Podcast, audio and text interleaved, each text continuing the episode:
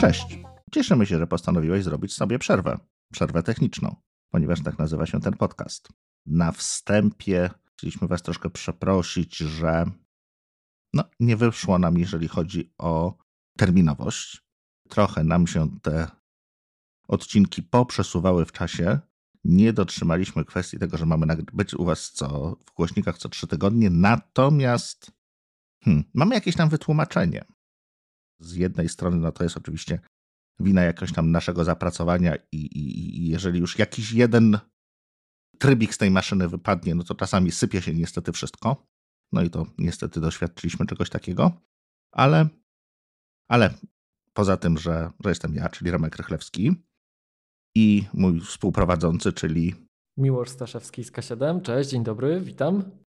To mam niewątpliwie zaszczyt y, powiększyć troszeczkę skład. Na razie powiedzmy w statusie gościa na okresie próbnym, ale jest również z nami. Kuba Baran, cześć. Trochę to moja wina chyba, że tak długo czekaliście na kolejny odcinek, bo zanim panowie wyciągnęli tego trupa z szafy i go znaleźli, jakim jestem tutaj już podcastowym, trochę to trwało, ale miło mi dołączyć, dziękuję za zaproszenie. I mam nadzieję, że sprawdzę się dzisiaj po tej dłuższej przerwie od mikrofonu. Zobaczymy, czy, czy aż, aż, za bardzo widzisz, ja teraz mam problem z dykcją, ona wychodzi, że ja zardzewiałem, a nie ty, no ale, ale tak, wróci, wróciliśmy, mamy zamiar y, być troszeczkę częściej, na pewno nas kilka razy jeszcze usłyszycie w tym roku, więc tutaj się nie, nie obawiajcie. Y, ale jak to przystało z przerwą techniczną, zwykle, zwykle jest jakiś temat odcinka. I w tym, w tym tygodniu postanowiliśmy mm, zająć się aplikacjami e, na macOS, ale nie będziemy wymieniać aplikacji, znaczy trochę na pewno wymienimy tytułów, natomiast nie chodzi nam o tutaj e, opowiadanie, jakie to aplikacje są fajne, natomiast chcemy się zastanowić, czy aplikacje na Mac, które teraz obserwujemy, przeżywają renesans, czy mamy jakiś regres związany z ich jakością, z ich ilością. E, więc troszeczkę powspominamy, co, jak to było kiedyś w momencie, kiedy przesiadaliśmy się, czy, czy korzystaliśmy na samym początku z, z macOSa. Jak to się zmieniało, jak to jest teraz i no i spróbujemy na koniec może trochę powróżyć, gdzie ten świat zmierza, czego możemy się dalej spodziewać. Więc klasyka. Kiedyś aplikacja na Mac bardzo się wyróżniała. Poza tym, że ona miała zdecydowanie bardziej przemyślany wygląd, przemyślany interfejs w stosunku do tego, co można było zobaczyć na mm, platformach konkurencji. To ten interfejs był dodatkowo ładny, funkcjonalny, jak również bardzo często te aplikacje wykorzystywały y, pewne unikatowe funkcje dla systemu, które były wbudowane. Tak? macOS jest systemem, który posiada wiele różnych y, dodatkowych funkcji, z których aplikacje mogą korzystać, żeby ułatwić i programistom, i nam y, życie. No i tak to właśnie, mm, właśnie się odbywało. Powiedz Miłoszu, jakie jest takie, powiedzmy, klasyczne aplikacje, co cię, co cię przyciągało tak te 10-15 lat temu na, na platformę Macowe? Spotlight i mail. Wszystko to wbudowane. Nie, nie wiem, czy dobrze. Nie, nie wiem, czy dobrze. Nie, no bardzo dobrze, nie ma złych odpowiedzi. I, za, i, I takim elementem platformy, który mnie przyciągnął, to było to, że to jest Unix. Mhm. Ja się przesiadłem, bo miałem. Kupiłem MacBooka po to, żeby na tym Gentu stawiać Linuxa. Ale jak zobaczyłem Spotlighta w pełnej krasie, bo wcześniej miałem takie, miałem jakiegoś tam iBooka na G3 i on już tak pod tą pumą to nie za dobrze chodził. Mhm. E, ten hardware był za wolny na macOS 10.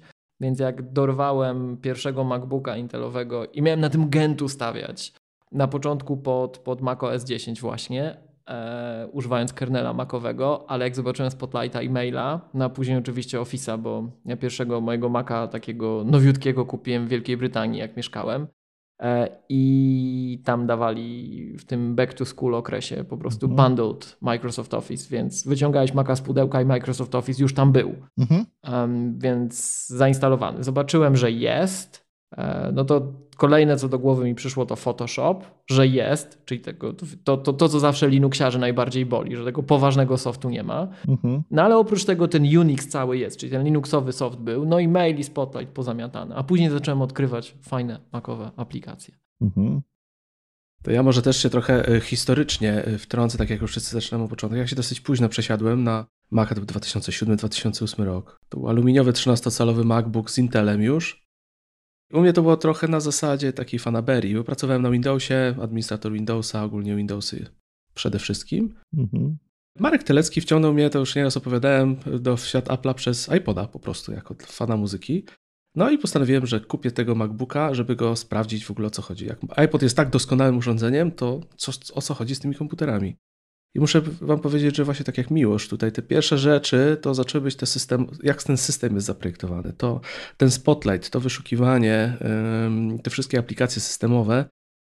Przy tym używaniu sporadycznym nagle okazywało się, że siadając do Windowsa odczuwałem takie zgrzyty, że mm, coś tu jest chyba jednak nie tak. Mhm. I tak się to utrzymało, a później rozpoczęła się historia poznawania tych wszystkich aplikacji, które robiły to, co miały robić, w sposób, w jaki powinny to robić, no i jeszcze dawały wielką przyjemność użytkowania ich, ale może już o samych aplikacjach za chwilę, ale to właśnie były takie początki i sam system tutaj rozpieszczał i mam wrażenie, że też narzucał tą jakość innym aplikacjom, że tutaj ciężko było e, po prostu zrobić coś słabego, bo odbiegałoby to od tego, co daje sam producent, prawda? Mhm. Więc to był ten plus, to mnie przyciągało i tak jak y, rozmawialiśmy o tym, o czym ma być ten odcinek, no to pracuję sobie na tych moich wszystkich aplikacjach, ale patrząc wstecz, jednak wydaje mi się, że kiedyś było lepiej. Jak to mówią, kiedyś to były czasy, teraz nie ma czasów. Nie, może nie jest tak źle, jak to zabrzmiało, ale coś jest na rzeczy. I to jest, wydaje mi się, ciekawy temat. Także cieszę się, że akurat do tego odcinka mnie zaprosiliście. No ja zaczynałem od 2007 y, roku przygodę z MacBookiem Pro i to też była przesiadka z Windowsa. Ja jeszcze pamiętam, że na początku ja tego Windowsa tam zainstalowałem jako dual boot i, i co jakiś czas się tam przełączałem i, i próbowałem działać trochę w tym świecie, trochę w tamtym, no bo E, no bo też nie do końca wiedziałem, czy ja sobie po prostu poradzę na macOSie, wspierając te wszystkie Windowsy, które, które miałem w pracy.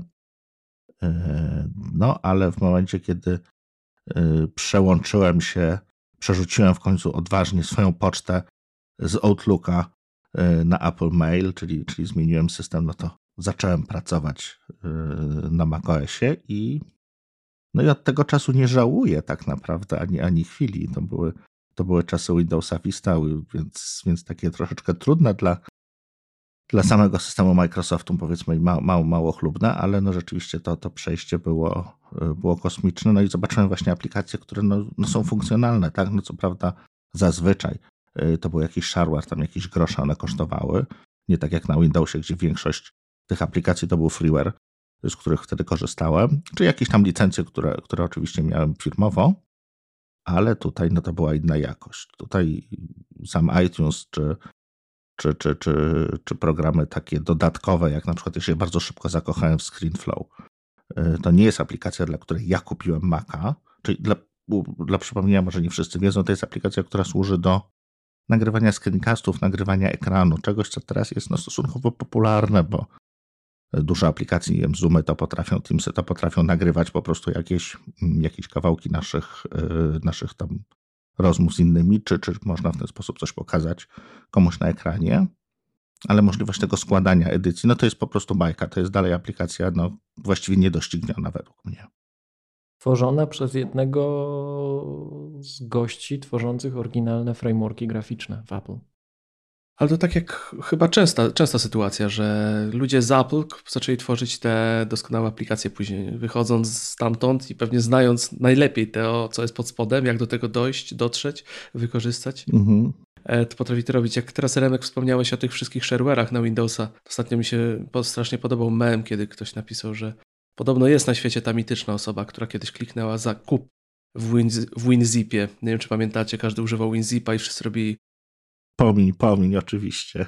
Jeszcze 14 dni, jeszcze 14 dni i pomiń, pomiń. Ale to tak jak mówisz, tak jak mówisz, to jeszcze masz rację, że ten czas przejścia to był ten okres wisty, a to już w ogóle był strzał w kolano. i praktycznie no, wygrywało już samym odpaleniem komputera, mimo że wtedy jeszcze mieliśmy dyski talerzowe w Macach i, i to już były w ogóle kosmiczne różnice, jeżeli chodzi o użytkowanie. Mhm. Cancel or allow. Oczywiście. Tak. No czy może teraz już tak nie śmiejmy się z Wisty, bo ostatnio też, w ostatnim odcinku chyba wspominaliście o tych wszystkich okienkach. Tak, dokładnie, tak. Więc no, historia lubi być zgryźliwa. My pytamy tylko raz. No, to prawda, to prawda. Nie, mi się wydaje, że jest dużo lepiej właśnie z tym klichaniem. Jeszcze nawiązuję do poprzedniego odcinka, bo było chyba z tym zdecydowanie gorzej w pewnym momencie, a teraz jest całkiem nieźle. A powiedzcie właśnie, jaka pierwsza taka aplikacja spoza tego, co przychodziło z systemem, jakoś zauroczyła was na Macu? Remek już powiedział ScreenFlow.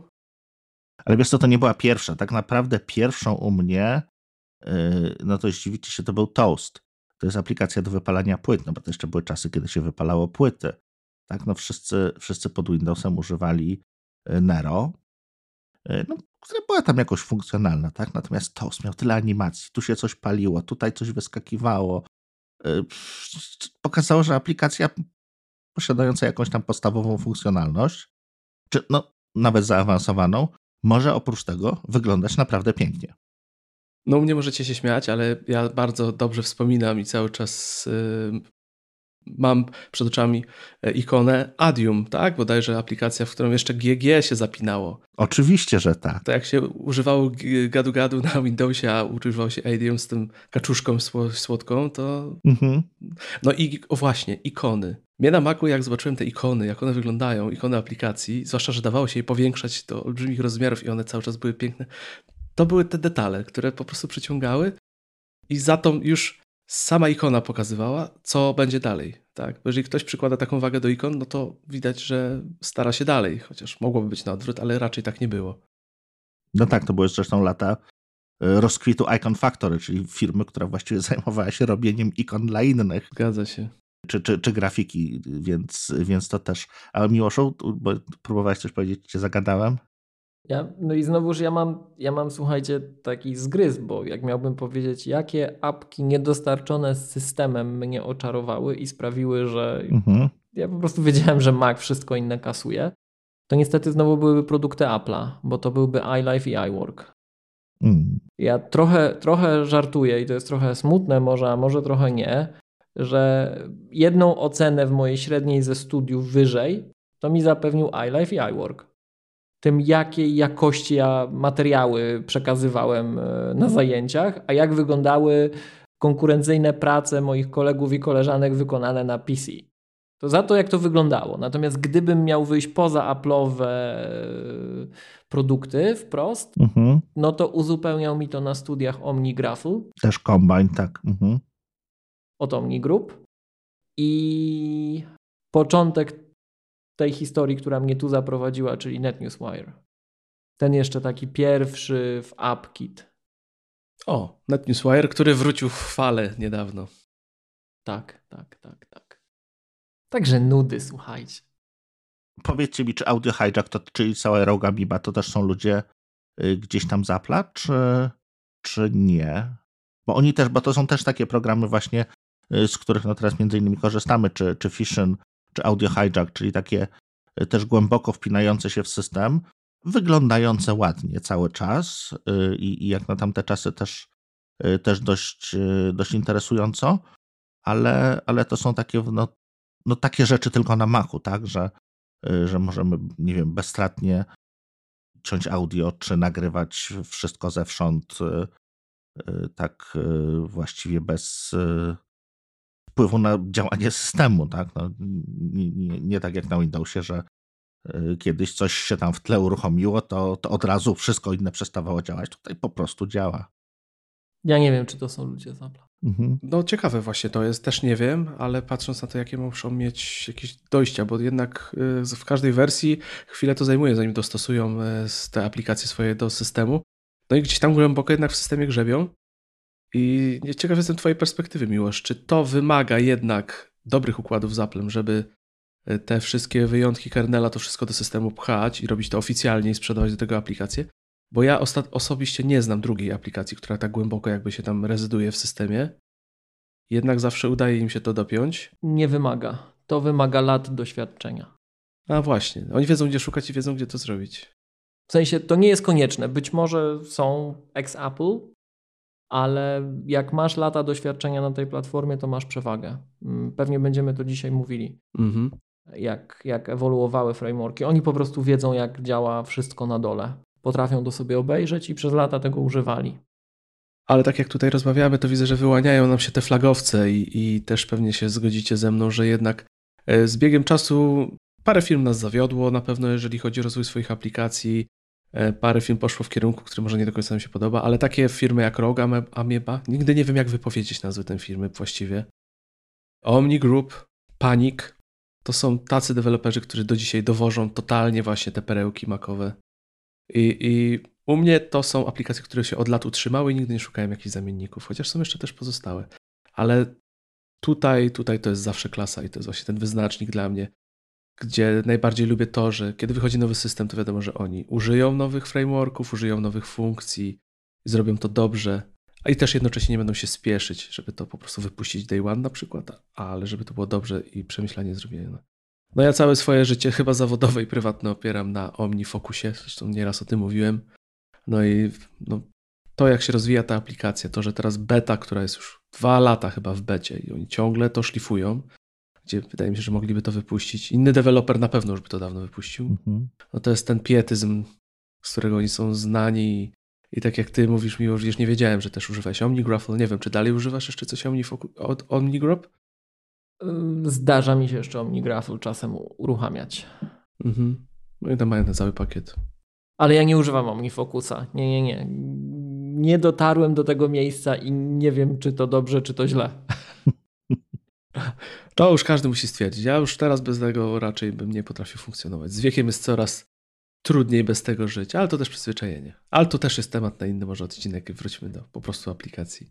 No tak, są jeszcze, są jeszcze w ogóle takie aplikacje, dla których yy, no, ludzie kupowali Maki. Yy, I tutaj BB Edit na przykład, tak? Czyli aplikacja, która już ma też chyba ze 20 czy 25 lat. Edytor tekstu, tak? No tak, tak popularna Y, czy wręcz nawet prostacka, można by powiedzieć, y, grupa aplikacji, że no, no, co, w tym, co w tym można wymyślić? No więc można, tam jest po prostu wszystko, y, co można wymyśleć jako edytor, czy dla, dla pisania aplikacji, czy dla tworzenia kontentu webowego, czy, czy po prostu pisania prozy, tak? Jest to, jest to kombajn, gdzie, gdzie jest wszystko, i to jest takie narzędzie, dla którego właśnie ludzie, ludzie kupują Maki. Coś, coś jeszcze możecie podpowiedzieć z takich aplikacji właśnie? Ja a propos, mhm. a propos BB Edit, właśnie to też jest jedna z aplikacji, którą ja lubię. To była jedna z aplikacji, którą się lubię chwalić przed innymi adminami. E, bo od kiedy jej używam i jakiego bym nie miał Maca historycznie, to jak ktoś siadał koło mnie i mówił, o dostałem loga, który ma 48 mega, to jak ja to wrzucę do notatnika albo gdziekolwiek na moim Windowsie, to to albo mi wywali system, albo poczekam do jutra, a ja mu pokazywałem, patrz, otwierałem BB Edit, który to po prostu wciągał jak rurkę z kremem, wypluwał to, przewijał całkowicie. Wyszukiwał. To było mind, totalny, totalny mindfuck, nie? Po prostu.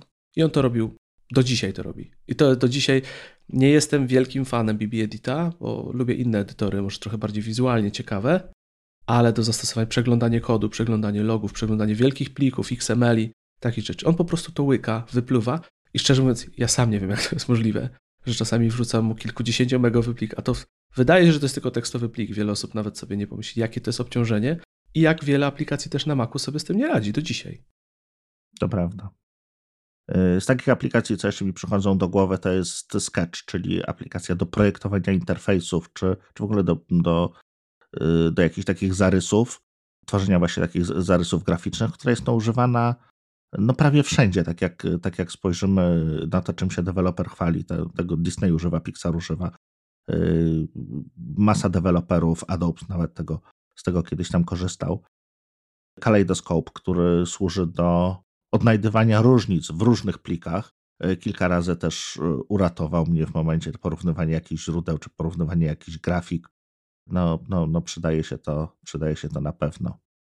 E, ale powiedzcie właśnie, czy, czy w tych pierwszych, pierwszych latach bardziej zwracaliście uwagę na, na kwestię wizualną, funkcjonalną, czy, czy, czy, znaczy właśnie, czy automatyzację, czy, czy to, co, tą integrację z systemem. Y, jakbyś Miłoszu na to, na to spojrzał?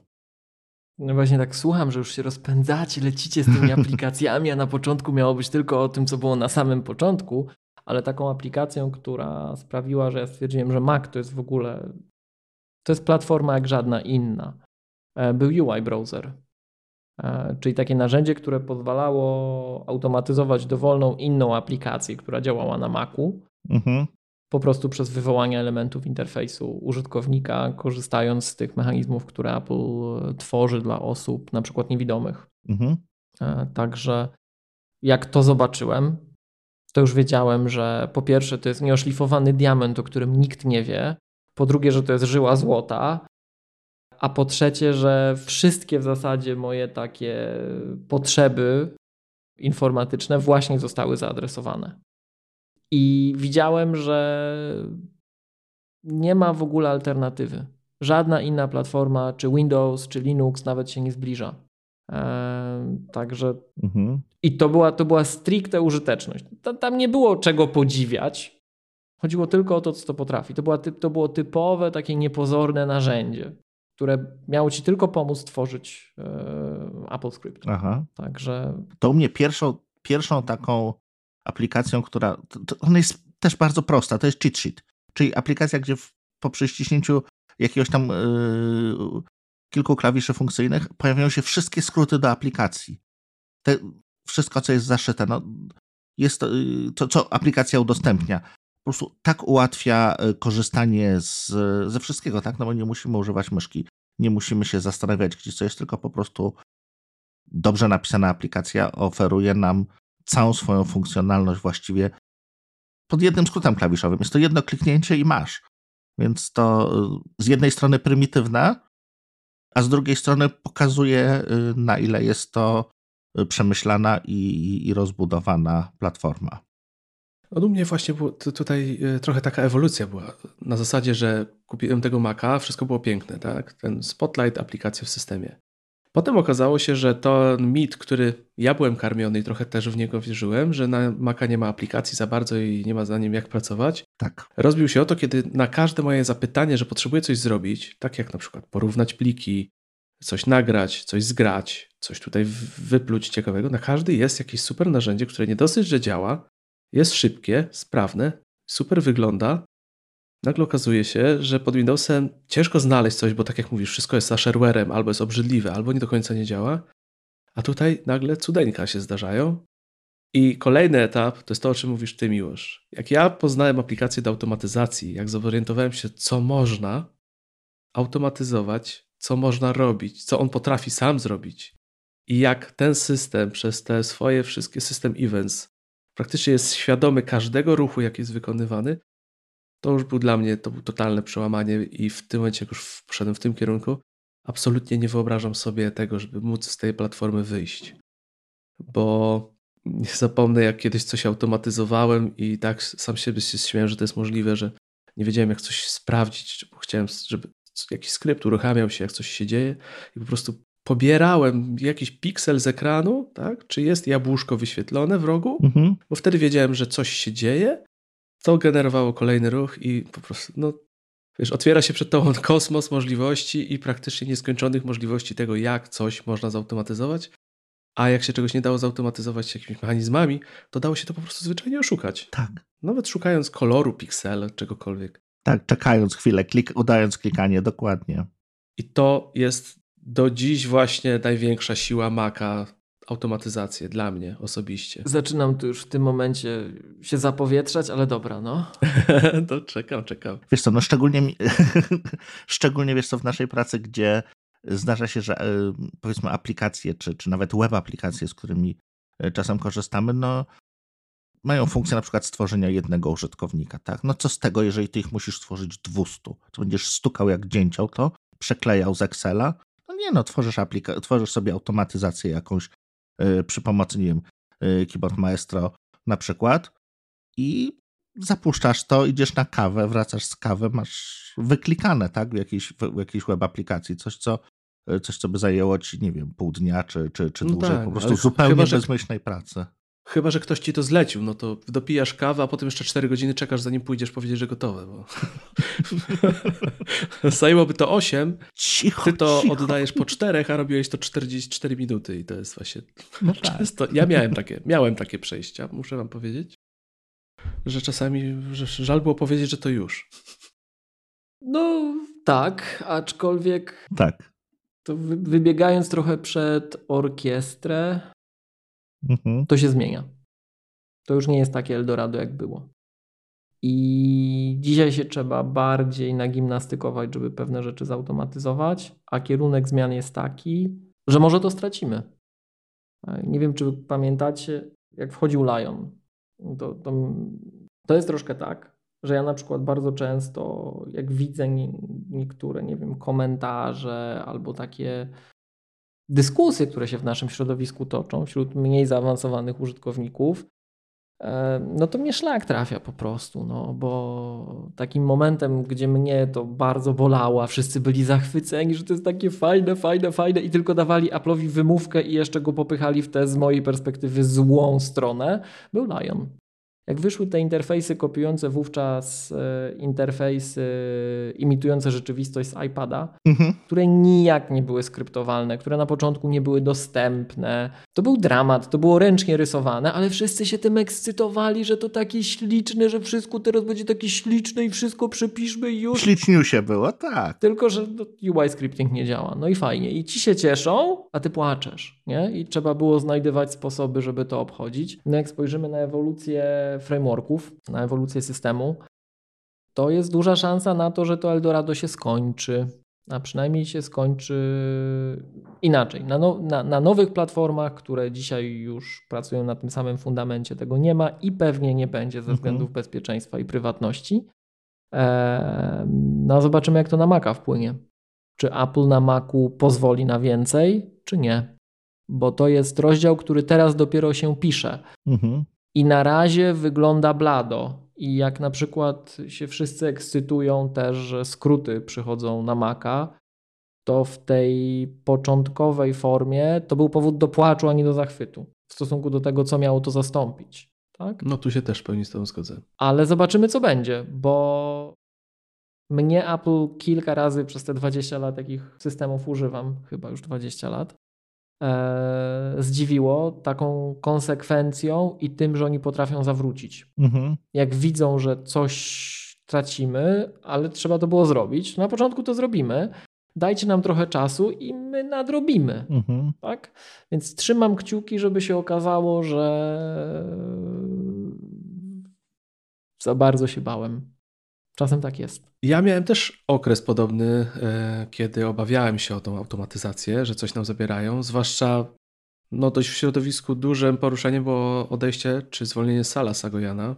Sala, dokładnie, tak. To też był taki znak, że coś idzie w złym kierunku. Ostatecznie podejrzewam, że może tak być, jak mówisz. Nie znam tego może od tej strony, tak jak ty, technicznej, bardzo głęboko, co jest zabierane, ponieważ moje narzędzia, bo ja używam Keyboard Maestro, nie jestem wielkim fanem skrótów, ale też z tego korzystam, bo to jest wygodna rzecz. One działają i na razie mogę realizować te wszystkie rzeczy, które chcę. Ale jakiś, jakiś problem był z mojej perspektywy, tak jakby ten odwrót, o którym mówisz, troszeczkę nastąpił, bo wszyscy, ta, tak jak wyszło pierwsze skróty, one były strasznie okrojone, odejście sala, co będzie dalej, nie wiadomo. Na tą chwilę wydaje mi się, że nie jest źle, ale jak to będzie dalej wyglądało, nie wiem.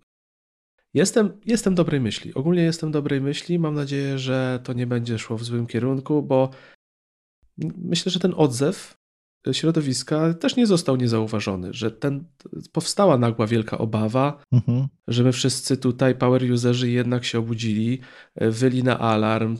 No, Wsparcie dla Sala też było olbrzymie. On dosyć też y, ładnie z tego wychodził, bo wcale nie szkalował Apple, z tego co ja pamiętam, w żaden sposób.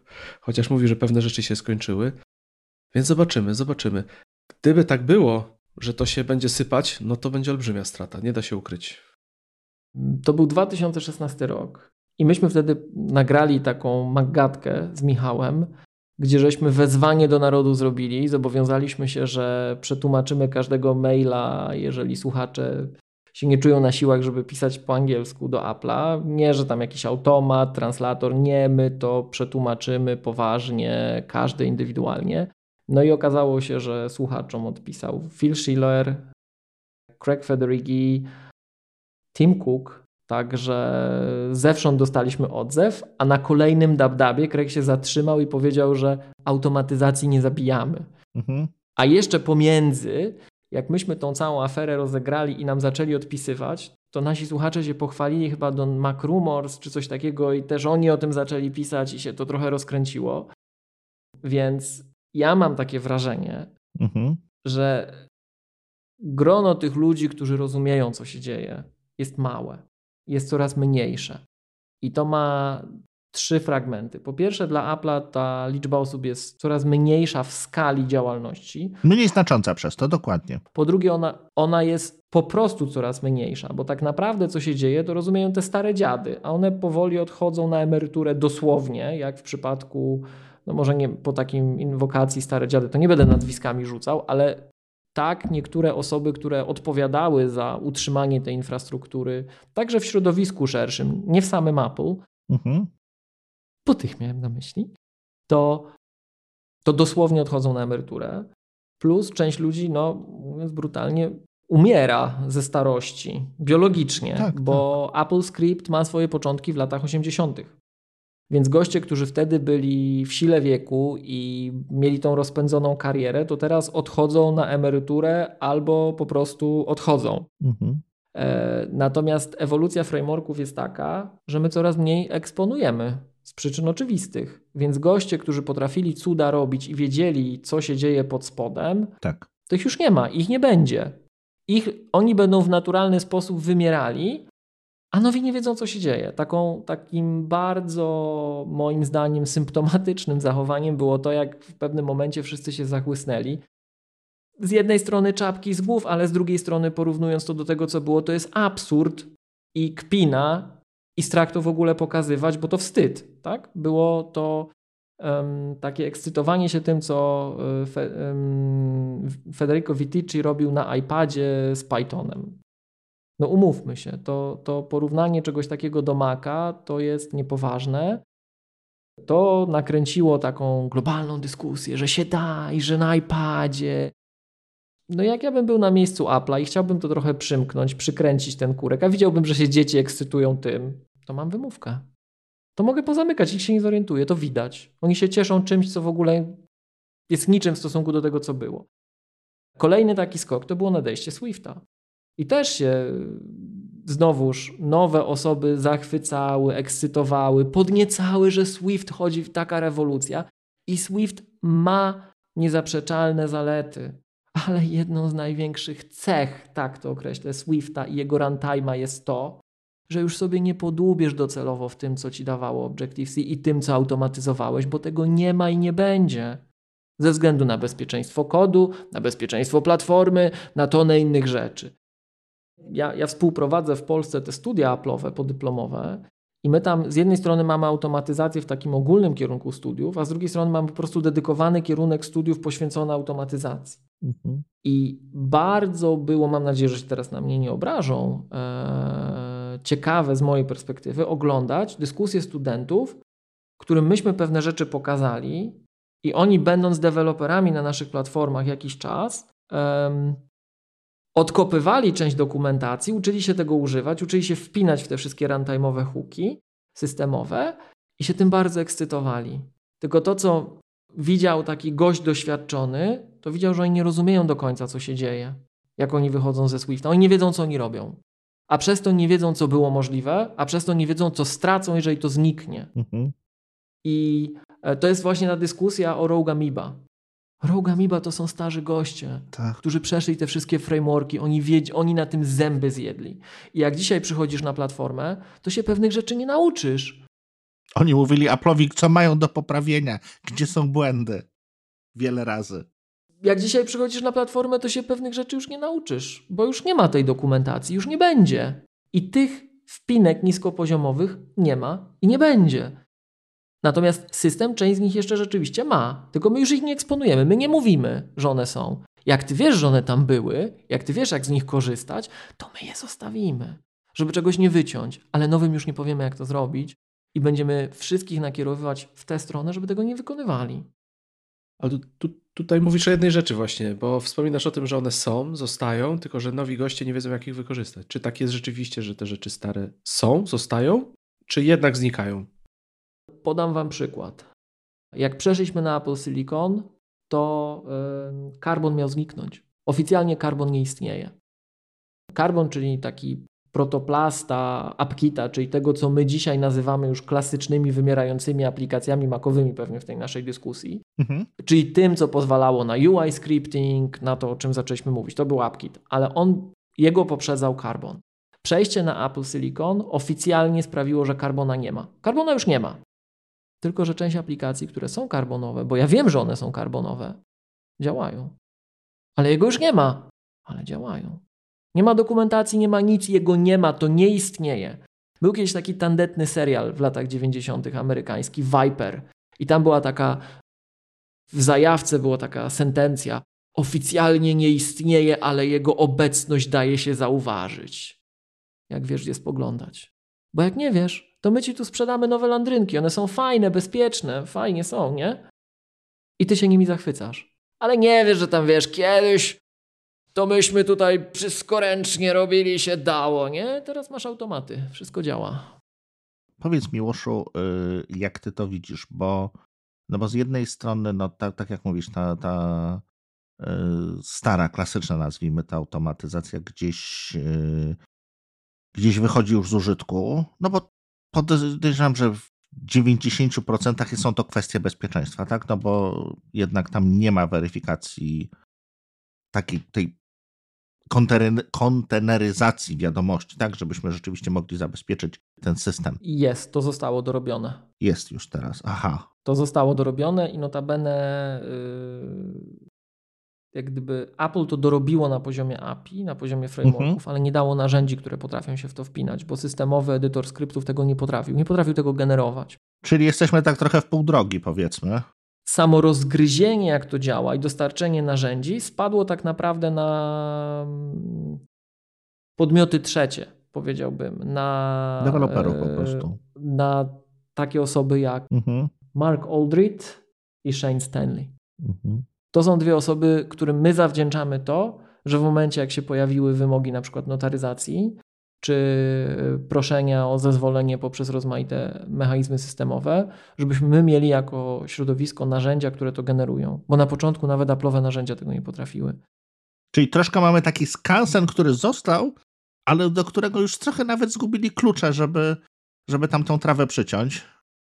Są takie plotki, um, że pewne odejścia we, wewnątrz Apple wynikały z tego, E, że samo Apple na przykład nie zapewniło e, wpinki dla Swifta jako języka automatyzu automatyzującego. Przecież to jest język, którego jednym z podstawowych założeń jest to, że to jest również język skryptowy. Dokładnie. Można w Swiftie pisać skrypty serwerowe na przykład, co jest wykorzystywane przez niektórych graczy. Mhm. Tylko dlaczego to nie jest język dla Open Scripting Architecture? Bo my w tej chwili oficjalnie przez Apple'a mamy wspierane od Snow Leoparda dwa języki automatyzacji platformy. Mamy AppleScript i mamy JavaScript. Mhm. No, wszystko fajnie. AppleScript ten oryginalny, JavaScript najpopularniejszy język programowania na planecie. Ale my mamy taki język, który był, jeszcze raz to podkreślmy, projektowany jako język skryptowy z założenia. Jak Apple szkoli na swoich autoryzowanych szkoleniach ze Swifta. Pierwsza lekcja, pierwszy temat. Swift jest uniwersalny. Od skryptów do pisania rdzenia systemu operacyjnego. Bezpieczny, szybki, uniwersalny. Mhm. Fajnie, ale nie mamy wpinki skryptowej. I jak śledzicie to środowisko, jak patrzycie, co się dzieje, to co się okazuje, że środowisko zewnętrzne zrobiło taką wpinkę. Mhm. Środowisko dostarczyło Apple'owi Swifta dla Open Scripting Architecture. Ale Apple to wykorzystuje, czy niekoniecznie? Apple nie podjęło tej rękawicy, mhm. a później były rotacje. No i ja nie wiem, ale różne rzeczy się składają. I teraz wracając. Pamiętacie, Apple miało zbankrutować w latach 90. Tak. Było dwa tygodnie od grobu, mhm. bo to mhm. jest spółka giełdowa, ma pewne wymogi co do ilości kapitału, tego kiedy ma złożyć formalnie wniosek o bankructwo i technologią, która Apple uratowała. Poza tym, że oficjalnie to my mówimy, że to iPod był, mhm. ale to, co Apple dowiozło do iPoda, to był Apple Script bo były takie branże, jak na przykład desktop publishing, które bez AppleScript nie istniały. Więc pomimo tego, że wszyscy uciekali na Windowsa wówczas, bo Windows paradoksalnie dzisiaj z naszej perspektywy był stabilny, a macOS za grosz, klasyczny macOS pod koniec swojego żywota, to AppleScript był czymś, co nie znajdowało odpowiednika. I Jobs, jak wrócił do Apple, chciał AppleScript wyciąć, ale go Sal Sogoyan przekonał, że tego nie należy wycinać, bo to jest to, co sprawia, że technologia jest wyjątkowa. I Salowi zawdzięczamy to, że AppleScript przetrwał. Jobs się wycofał ze swojej decyzji e, i zostawił, ocalił AppleScript, przeniesiono go na nową platformę, na nowy system. No ale on właśnie był, a firma z jednej strony rosła w oparciu o inne produkty, a z drugiej strony zmienia się świat, bo to nie jest tak, że Apple może de facto stworzyć całość ekosystemu, całość otoczenia, wpływać na całość otoczenia, w którym funkcjonuje. Apple jest istotną siłą dzisiaj w branży informatycznej, ale Apple jest częścią tej branży, jest częścią świata, w którym żyjemy i musi znajdywać swoimi produktami właściwe e, odpowiedzi na potrzeby klientów, znajdywać Dokładnie. dobre odpowiedzi, które jest w stanie szybko zaoferować na rynku. Mhm. AppleScript drastycznie i możliwości, które daje, jakkolwiek by nie były potężne, e, nie wpisuje się w tę formułę. Więc jest obiektywny powód, dla którego te technologie w pewien sposób usychają. I być może my się doczekamy właśnie jakiejś reimplementacji. Natomiast to, co w tej chwili przynajmniej tak głośno się opowiada, to, to nie brzmi jak odpowiedź oferująca pełnię, pełnię głębi tego, co było dostępne na platformie. Czy myślisz, Miłoszu, że to jest spowodowane tym, że tak jak spojrzymy na świat 5 lat temu, to tak patrząc na Apple z zewnątrz i, i zachowanie ich, y, czy, czy produkty, które promowali, wydawało się, że macOS był takim może najstarszym dzieckiem, ale już takim trochę niechcianym. Takim, y, no niby piszemy na tym dalej wszystkie aplikacje, jest to podstawa i tak dalej, zawsze macOS, ale więcej miłości, więcej uwagi y, otrzymywał iPad. No już pomijając iOS-a, tak, y, iPhone'a, no bo to jest jak gdyby ta kura znosząca złote jaja, więc tutaj, tutaj wiadomo, tutaj, tutaj to trzeba dopieścić, natomiast tym następnym komputerem, tak mi się wydaje, w którymś momencie miał być jednak iPad, tak, czyli, czyli, yy, czyli jakby to urządzenie takie trochę prostsze, takie dla yy, szerszego odbiorcy, tak to nazwijmy. I dopiero od niedawna widać jakby że, że znowu Mac dostaje tą miłość, tak? Dostał, dostał Apple Silicon, dostał rzeczywiście genialny hardware, y, software na tym no, prawie nadąża też, ale, ale tutaj software niestety troszeczkę dłużej potrzebuje paradoksalnie, żeby, mm, żeby działać. Że to jest y, to, co mówisz właśnie, że, y, że pewne są zaszłości, coś, coś nie zostało jak gdyby na Macu kultywowane, tak, tak, jak, tak jak właśnie to, to skryptowanie to jest kwestia tego, że no to po prostu w którymś momencie miało wyginąć, a teraz staram, starają się znaleźć na to jak gdyby nowy, nowy pomysł, czy przez, czy przez właśnie skróty, czy, czy, czy, czy, czy w którymś momencie tego Swifta to, yy, to po prostu znajdzie nową drogę. Ja zanim Miłosz może, mhm. wiesz co Rebek, ja jak obserwuję od lat, jak to wszystko działa, nie wiem jak to jest wewnętrznie, mam wrażenie, że Da się zauważyć, że Apple lubi przerzucać jednak siłę roboczą z platformy na platformę. I tak jak iPad rósł w siłę jako platforma, było widać, że tam skupiają jakby swoje, swoje moce przerobowe, tak jak teraz iOS w najnowszych wersjach. Mm, ja teraz też jestem na betach i świetnie, świetnie to wygląda i wydaje mi się, że to może być jeden z najlepszych odsłon iOS-a i najbardziej stabilnych od jakiegoś czasu, bo praktycznie nie, ja nie jestem w stanie tam za dużo im zarzucić. Ale pytanie właśnie, czy to, że nie poświęcali tak dużo czasu na macOS, a teraz gdybam tak naprawdę, nie było spowodowane tym, że oni byli świadomi, że za chwilę nastąpi przejście na nową platformę, że siły będzie trzeba skumulować w momencie, kiedy będziemy pisać na Apple Silicon, będziemy mieli nową platformę, bo oni kuleli. Fajne, słuchałem dziś podcastu, e, chyba to było Mac Power Users, gdzie gość zwrócił uwagę na jedną rzecz, że myśmy myśleli, że Mac umiera, że te Intele rzadko są aktualizowane, że wszyscy narzekaliśmy, płakaliśmy, że oni nie kochają Maca, że wszystko. Pomyślmy sobie o drugiej stronie, jak oni już mieli w laboratoriach ten silikon, ale nie mogli o nim powiedzieć i wiedzieli, co za chwilę wystrzelą, tak? Że my mamy tu coś, ale jeszcze, jeszcze trochę, jeszcze trochę, gdzie my płakaliśmy, oni robili te spotkania, gdzie pamiętacie, zapraszali, że oni robią tego Maca, iMaca Pro, że oni kochają Maca, że to wszystko wystrzeli. I jeszcze nas ratowali, trochę próbowali podbudowywać nasze morale tymi ostatnimi intelowymi Macami, a gdzieś tam w laboratoriach już wiedzieli, że po prostu, no jak wystrzelą, to wszystkim spadną majtki. I tutaj ciekaw jestem właśnie, czy to nie jest na zasadzie takiej, że oni wiedzą, kiedy należy przenieść tą siłę roboczą, kiedy należy tam się przyłożyć, bo te nasze obawy wtedy nie znalazły odzwierciedlenia w żaden sposób, nie? tak naprawdę. To wszystko wróciło do normy, była jakaś czkawka, tylko pytanie, z czego ona wynikała. No ciekaw jestem twojego zdania, Miłosz. Odpowiem tak paradoksalnie, i tak i nie. Na pewnym etapie Apple wie, co się wydarzy i bardzo wiele rzeczy buduje latami. I w tym, co powiedziałeś, jest taka bezpośrednia odpowiedź na to, o co zapytał Remek. Mam nadzieję, że Was nie poobrażam. Tu chodzi o taką szczerą dyskusję. Słuchajcie, jesteśmy w takim technicznym gronie, gdzie możemy sobie szczerze, technicznie porozmawiać, tak? Trochę konfrontować własne przekonania i wzajemne poglądy. I teraz chciałem od razu powiedzieć, że Wy możecie mnie przekonać.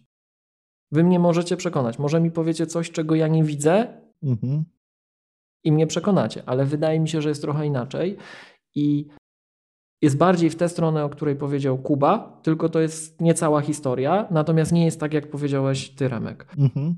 E, moim zdaniem my ulegamy takim czasem plotom po prostu, że mak umiera albo że ten rdzeń to nie jest to samo. Technicznie to jest to samo. Cały czas kernel jest ten sam, mechanizmy komunikacyjne w systemie operacyjnym są te same. Tylko Apple w pewnym momencie, bo Apple'owi brakuje, moim zdaniem, to jest powód, dla którego oni nie robią wszystkiego. Z prostego powodu, bo nie mają przepustowości. Mhm. Nie mają przepustowości, nie zrobią wszystkiego. Mogą zrobić tylko część rzeczy. I ja Apple'a bardzo szanuję za dwa fragmenty działania tej firmy. Po pierwsze, oni się nie boją wywrócić wszystkiego do góry nogami. Mhm. Są takie modne ostatnio powiedzenia w, w sferze publicznej. Po pierwsze, przewrócić stolik, a po drugie, zmienić wszystko, żeby nie zmieniło się nic. I właśnie trochę to tak działa. My przewracamy stolik raz na jakiś czas, wymieniamy całe fragmenty, wymieniamy cały runtime efektywnie. Tak naprawdę nie wymieniamy, bo stary został z Objective-C, ale dokładamy nowy w oparciu o który będziemy działać i próbujemy w tych nowych warunkach, które rządzą się trochę innymi prawami, odbudować poziom użyteczności, którego nasi klienci mogą oczekiwać. I teraz to jest olbrzymie przedsięwzięcie, bo zobaczcie, to, to do czego oczywiście ja zmierzam, to jest Swift i Swift UI działający na Vision Pro czy na Vision OS. Mhm. To, była, to jest platforma docelowa, moim zdaniem, jeżeli Apple'owi ten numer się uda. Okay. E, bo nie wiadomo, czy to się przyjmie. Tak uczciwie nie wiadomo, czy to się przyjmie. Czy się ludzie nie przestraszą i tak dalej, i tak dalej. Oczywiście. I teraz jak Remek mówił o tym, że iPadOS got the love, otrzymał ten czas, tą uwagę Apple'ową, a równocześnie Kuba zwrócił uwagę na bardzo ciekawy fragment, że że to nie jest tak, że, że, inaczej, że ten iOS to jest teraz najlepszy release ever, najbardziej dopieszczony, najbardziej dopracowany i że to wcale nie jest tak, że to my tak ulegamy właśnie iluzji, że najpierw jedno, potem drugie. Mhm. Apple wie, że to jest to samo i stopniowo dopieszcza poszczególne fragmenty, więc taki marketingowy push rzeczywiście czasem jest bardziej na to, kiedy indziej na co innego, gdzie pokazujemy to, co będziemy wprowadzać, ale de facto wszędzie, tak? Teraz, gdybym ja miał strzelać, bo ja oczywiście nie wiem, ale gdybym ja miał strzelać, to zarówno Apple Silicon, jak i te zmiany we frameworkach i być może, być może, bo tego to już naprawdę nie wiem, to już jest long shot, to już jest, to może być nadużycie, mhm. Bo to było nam potrzebne tak czy inaczej z innych względów, że będziemy mieć nowy język programowania, który nie pozwoli na przykład na e, ręczne zarządzanie pamięcią, co było z jednej strony przyczyną bugów, niestabilności, z drugiej strony to jest bardzo duży problem z bezpieczeństwem z trzeciej strony, no w ogóle my nie chcemy tego. Po pierwsze, bo jest niebezpieczne, po drugie, bo jest trudne, skomplikowane, długo się ludzi uczy. My chcemy szybko, łatwo, bezpiecznie, żeby budowali apki, żeby po prostu te apki wychodziły masowo, natychmiast już, żeby obniżyć próg wejścia, żeby deweloperów były tony, żeby rynek był głęboki, szeroki, żeby wszystko było. Oczywiście. I żeby to jeszcze działało na nowej platformie, która przyjdzie. I teraz zobaczcie, jak spojrzymy na ewolucję tego, co się dzieje na platformach. Przecież jak teraz patrzymy na przykład na iPadOS, na wprowadzenie gładzika do iPadOS, tego takiego punkcika, albo do tego, jak się podświetla element interfejsu w tvOS. Mhm. Przecież o żaden tvOS i o żaden iPadOS nie chodziło.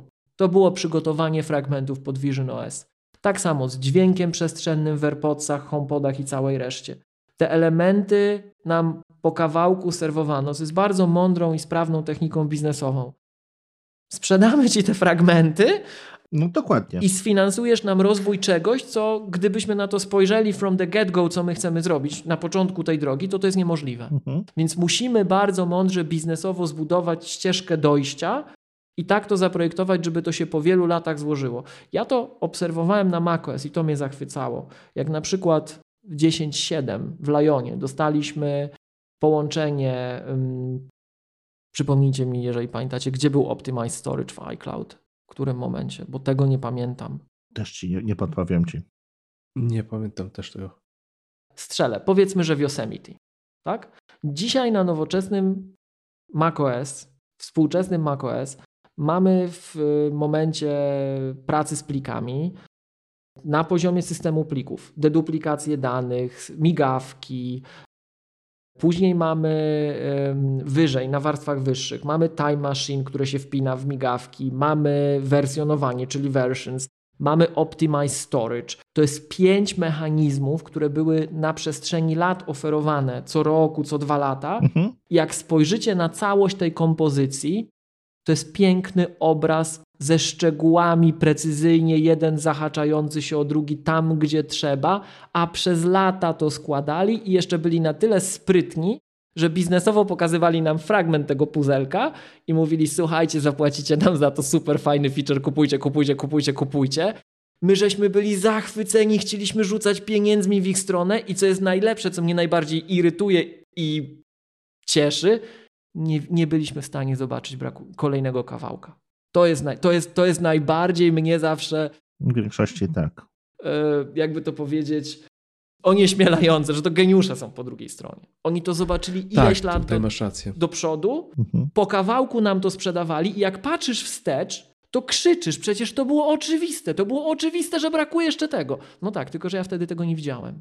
I nikt tego wtedy nie widział. No i teraz wracając, wracając, wracając, łącząc to, tak? Moim zdaniem to wszystko idzie w stronę Vision OS. Mhm albo jeszcze czegoś, czego nie wiemy, ale raczej w tę stronę.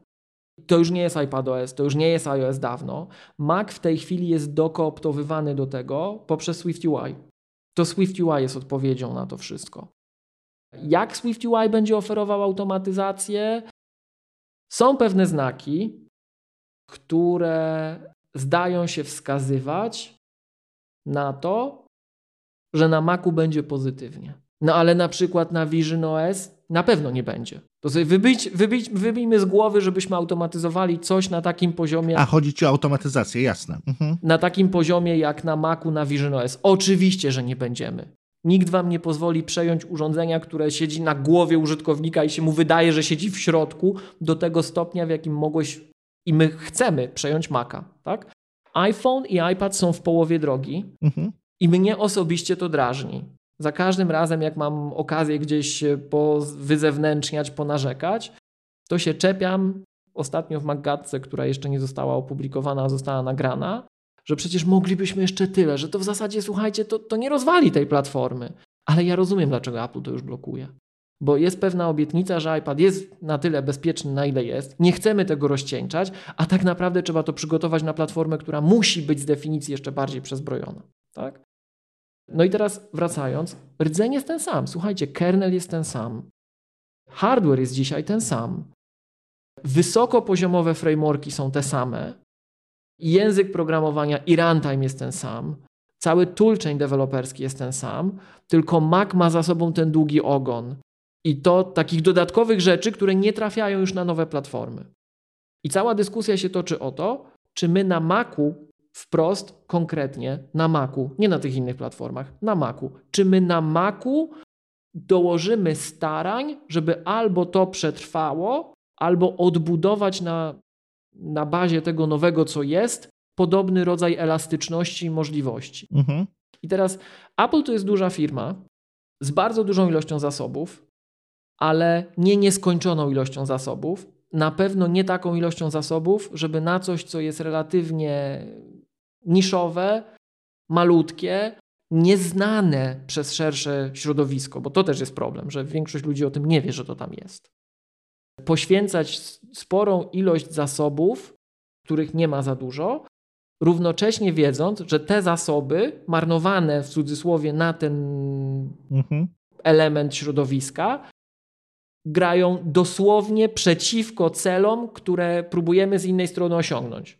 Bo co tu dużo mówić, automatyzacja przy wszystkim, za co ją kochamy, ona, jeśli chodzi o takie security dzisiaj nie, nie ma. z perspektywy iPhone'a czy iPada postrzegane, to, to, to, to, nie jest ta sama bajka. To nie jest ta sama bajka i nigdy nie będzie z definicji. No na pewno. E, chociaż na taki przykład.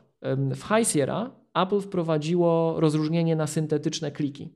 Wcześniejsze wersje systemu nie rozumiały API. Czy to ty klikasz człowieku, czy to automat klika?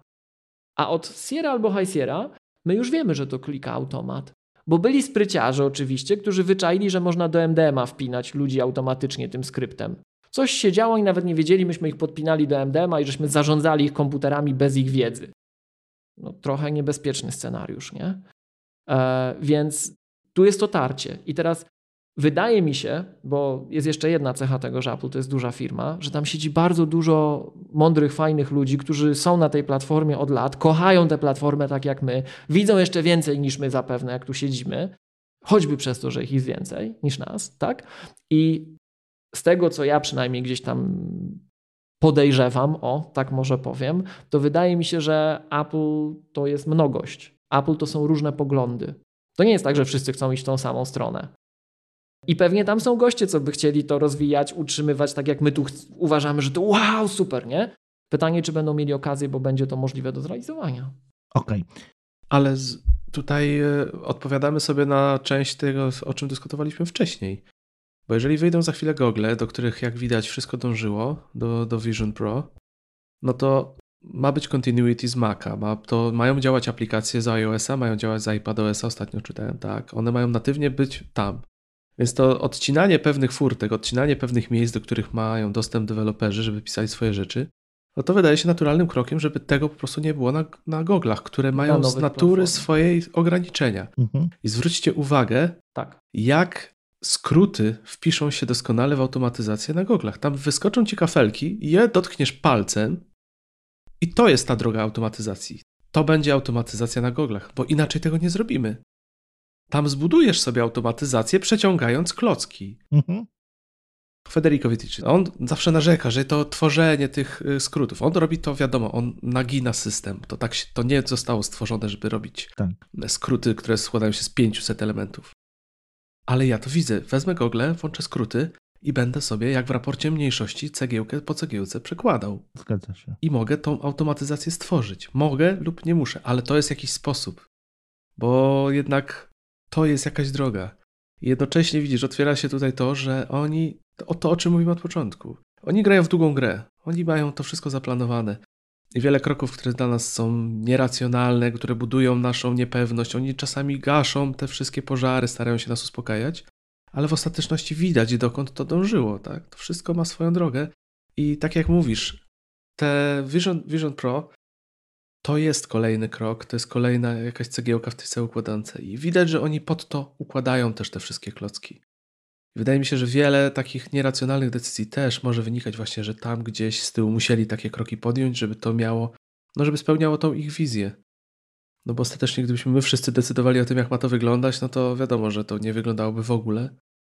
Także tutaj ja szanuję Apple właśnie za to, za to patrzenie do przodu i za to, że nie ulega tym wpływom. Czasami idzie pod prąd, czasami buduje te pożary, wiedzą, że narażają się na olbrzymią krytykę, a jednocześnie strasznie lubię to, o czym też mi już wspominałeś, jak po czasie orientujemy się, że byliśmy w pewnymi beta testerami, jak te wszystkie elementy, że na zegarku było 3D Touch, tak, 3D Touch, potem nagle było w telefonie, a myśmy to już długo używali i wiele elementów interfejsu i te ich smaczki typu, że na, na DubDubie mówią, że Pamiętajcie, żeby czegoś używać, tak, to o czym się mówi. Pamiętajcie, żeby to robić. I przez rok nikt tego nie robi, nikt się do tego nie czepia, a za dwa lata ci, co to robili, są wygrani, a ci, co tego nie robili, no, muszą przepisywać swoje aplikacje. Tak, tak. Więc oni, te, te takie, takie smaczki są świetne, to często chyba Gruber opowiada, bo on takie ma dojścia, że tam oni zwracają uwagę, oni nie odpowiedzą wprost. Oni ci powiedzą, tylko nie wprost. Oni wiedzą, oni podpowiadają i dają nam te wszystkie znaki, ale, ale ta ich konsekwencja i to, że tam jest to wszystko zaplanowane i to, to jest to. I jak mamy rozumieć rzeczy, o których nie możemy wiedzieć nie? tak naprawdę? No. To chyba najlepiej było widać, jak e, już też nie pamiętam kiedy to było, jak wszedł auto, lay, auto layout e, tak, na iOS-a. Tak. Wtedy mieliśmy jeszcze, no, iPhone no to już był jeden, jeden rozmiar, tak? No bo to, były, to było dawno, dawno temu. I nagle po roku się okazało, że no, nagle mamy tu większy ekran, tutaj, tutaj trochę inaczej, pojawia się iPad też różnych tych. I, I ci, którzy rzeczywiście y, mieli interfejs Pixel Perfect, obudzili się z przysłowiową ręką w nocniku, bo się okazało, że nagle trzeba wszystko przebudować. Natomiast ci, którzy odrobili lekcje i przez rok spokojnie y, przerobili swoją aplikację według tych nowych wytycznych, byli wygrani, nie musieli nic robić. Tak, panowie, czyli widzicie, że pewna narracja się układa, ale ja bym mimo wszystko dodał trzy drobne uwagi, żebyśmy też widzieli, że to, mhm. to, to nie jest tak, że moim zdaniem, że oni mają wszystko przemyślane. Owszem, oni się starają panować nad tą linią narracyjną, wyznaczają długofalowe cele, takie, które jakbyśmy 15 lat temu sobie powiedzieli, że słuchajcie, będziemy mieli Vision OS, nie? I musimy do tego przebudować system operacyjny, zbudować nowe frameworki, nowy język programowania, wymyślić nowy hardware. To jest misja niemożliwa, mhm. ale kawałek po kawałku to budowali, więc panują nad tą narracją, ale po pierwsze nie jest tak, że się nie mylą, bo tu chciałbym, żeby, żeby tak mi się wydaje, że trzeba uczciwość intelektualną zachować i przyznać, że to nie jest tak, że czasem mi się coś nie wymsknie z rąk, ale paradoksalnie moim zdaniem to nie jest wtedy, jak jak świat krzyczy? Takie portale Apple'owe piszą, że wtedy tak, że o to wtedy, to się wtedy potknęło Apple, bo coś tam. Z takich rzeczy, gdzie internet krzyczał i moim zdaniem się Apple potknęło, to żeby bieżących produktów nie wskazywać palcem, iMac Pro. Moim zdaniem iMac Pro miał być Maciem Pro. Tylko zaczęto krzyczeć. Za głośno. No bo słuchajcie, to by to szło w tę stronę. No przecież jakbyśmy mogli dobrze chłodzony hardware zamknąć w tej obudowie, on byłby wielokrotnie szybszy, nie? Nie? No, no. Przecież dzisiaj mamy taki hardware. Wtedy Johnny Ive jeszcze był w firmie? Tak, był. Czy to już było po nim? Johnny Ive był wtedy w firmie? No to jeszcze wtedy było ciśnienie na to, nie? Żeby to wszystko zamykać. Znaczy oficjalnie był, o może tak to powiedzmy. E, ja, ja nie wiem, słuchajcie, czy, czy to wszystko wina Johnego Ive'a, tak zupełnie szczerze. Czy to właśnie nie jest ta narracja, którą nam się podaje, żeby czasem pewne rzeczy tłumaczyć? No bo przecież możemy, nie? Widzicie, ale to jest, to jest ta rzecz, że wydaje nam się, że oni tak twardo stoją przy swoim, mają tą swoją koncepcję i ją realizują, ale zwróćcie uwagę, jak wiele rzeczy zmienia się na przykład po DubDubie, gdzie jest film promocyjny, wyprodukowany, każdy szczegół jest pokazany na filmie, na przykład elementów, tak jak było z Safari, gdzie tam była afera z tymi Dokładnie. interfejsem i oni to zmienili, nie obawiali się, żeby to zmienić.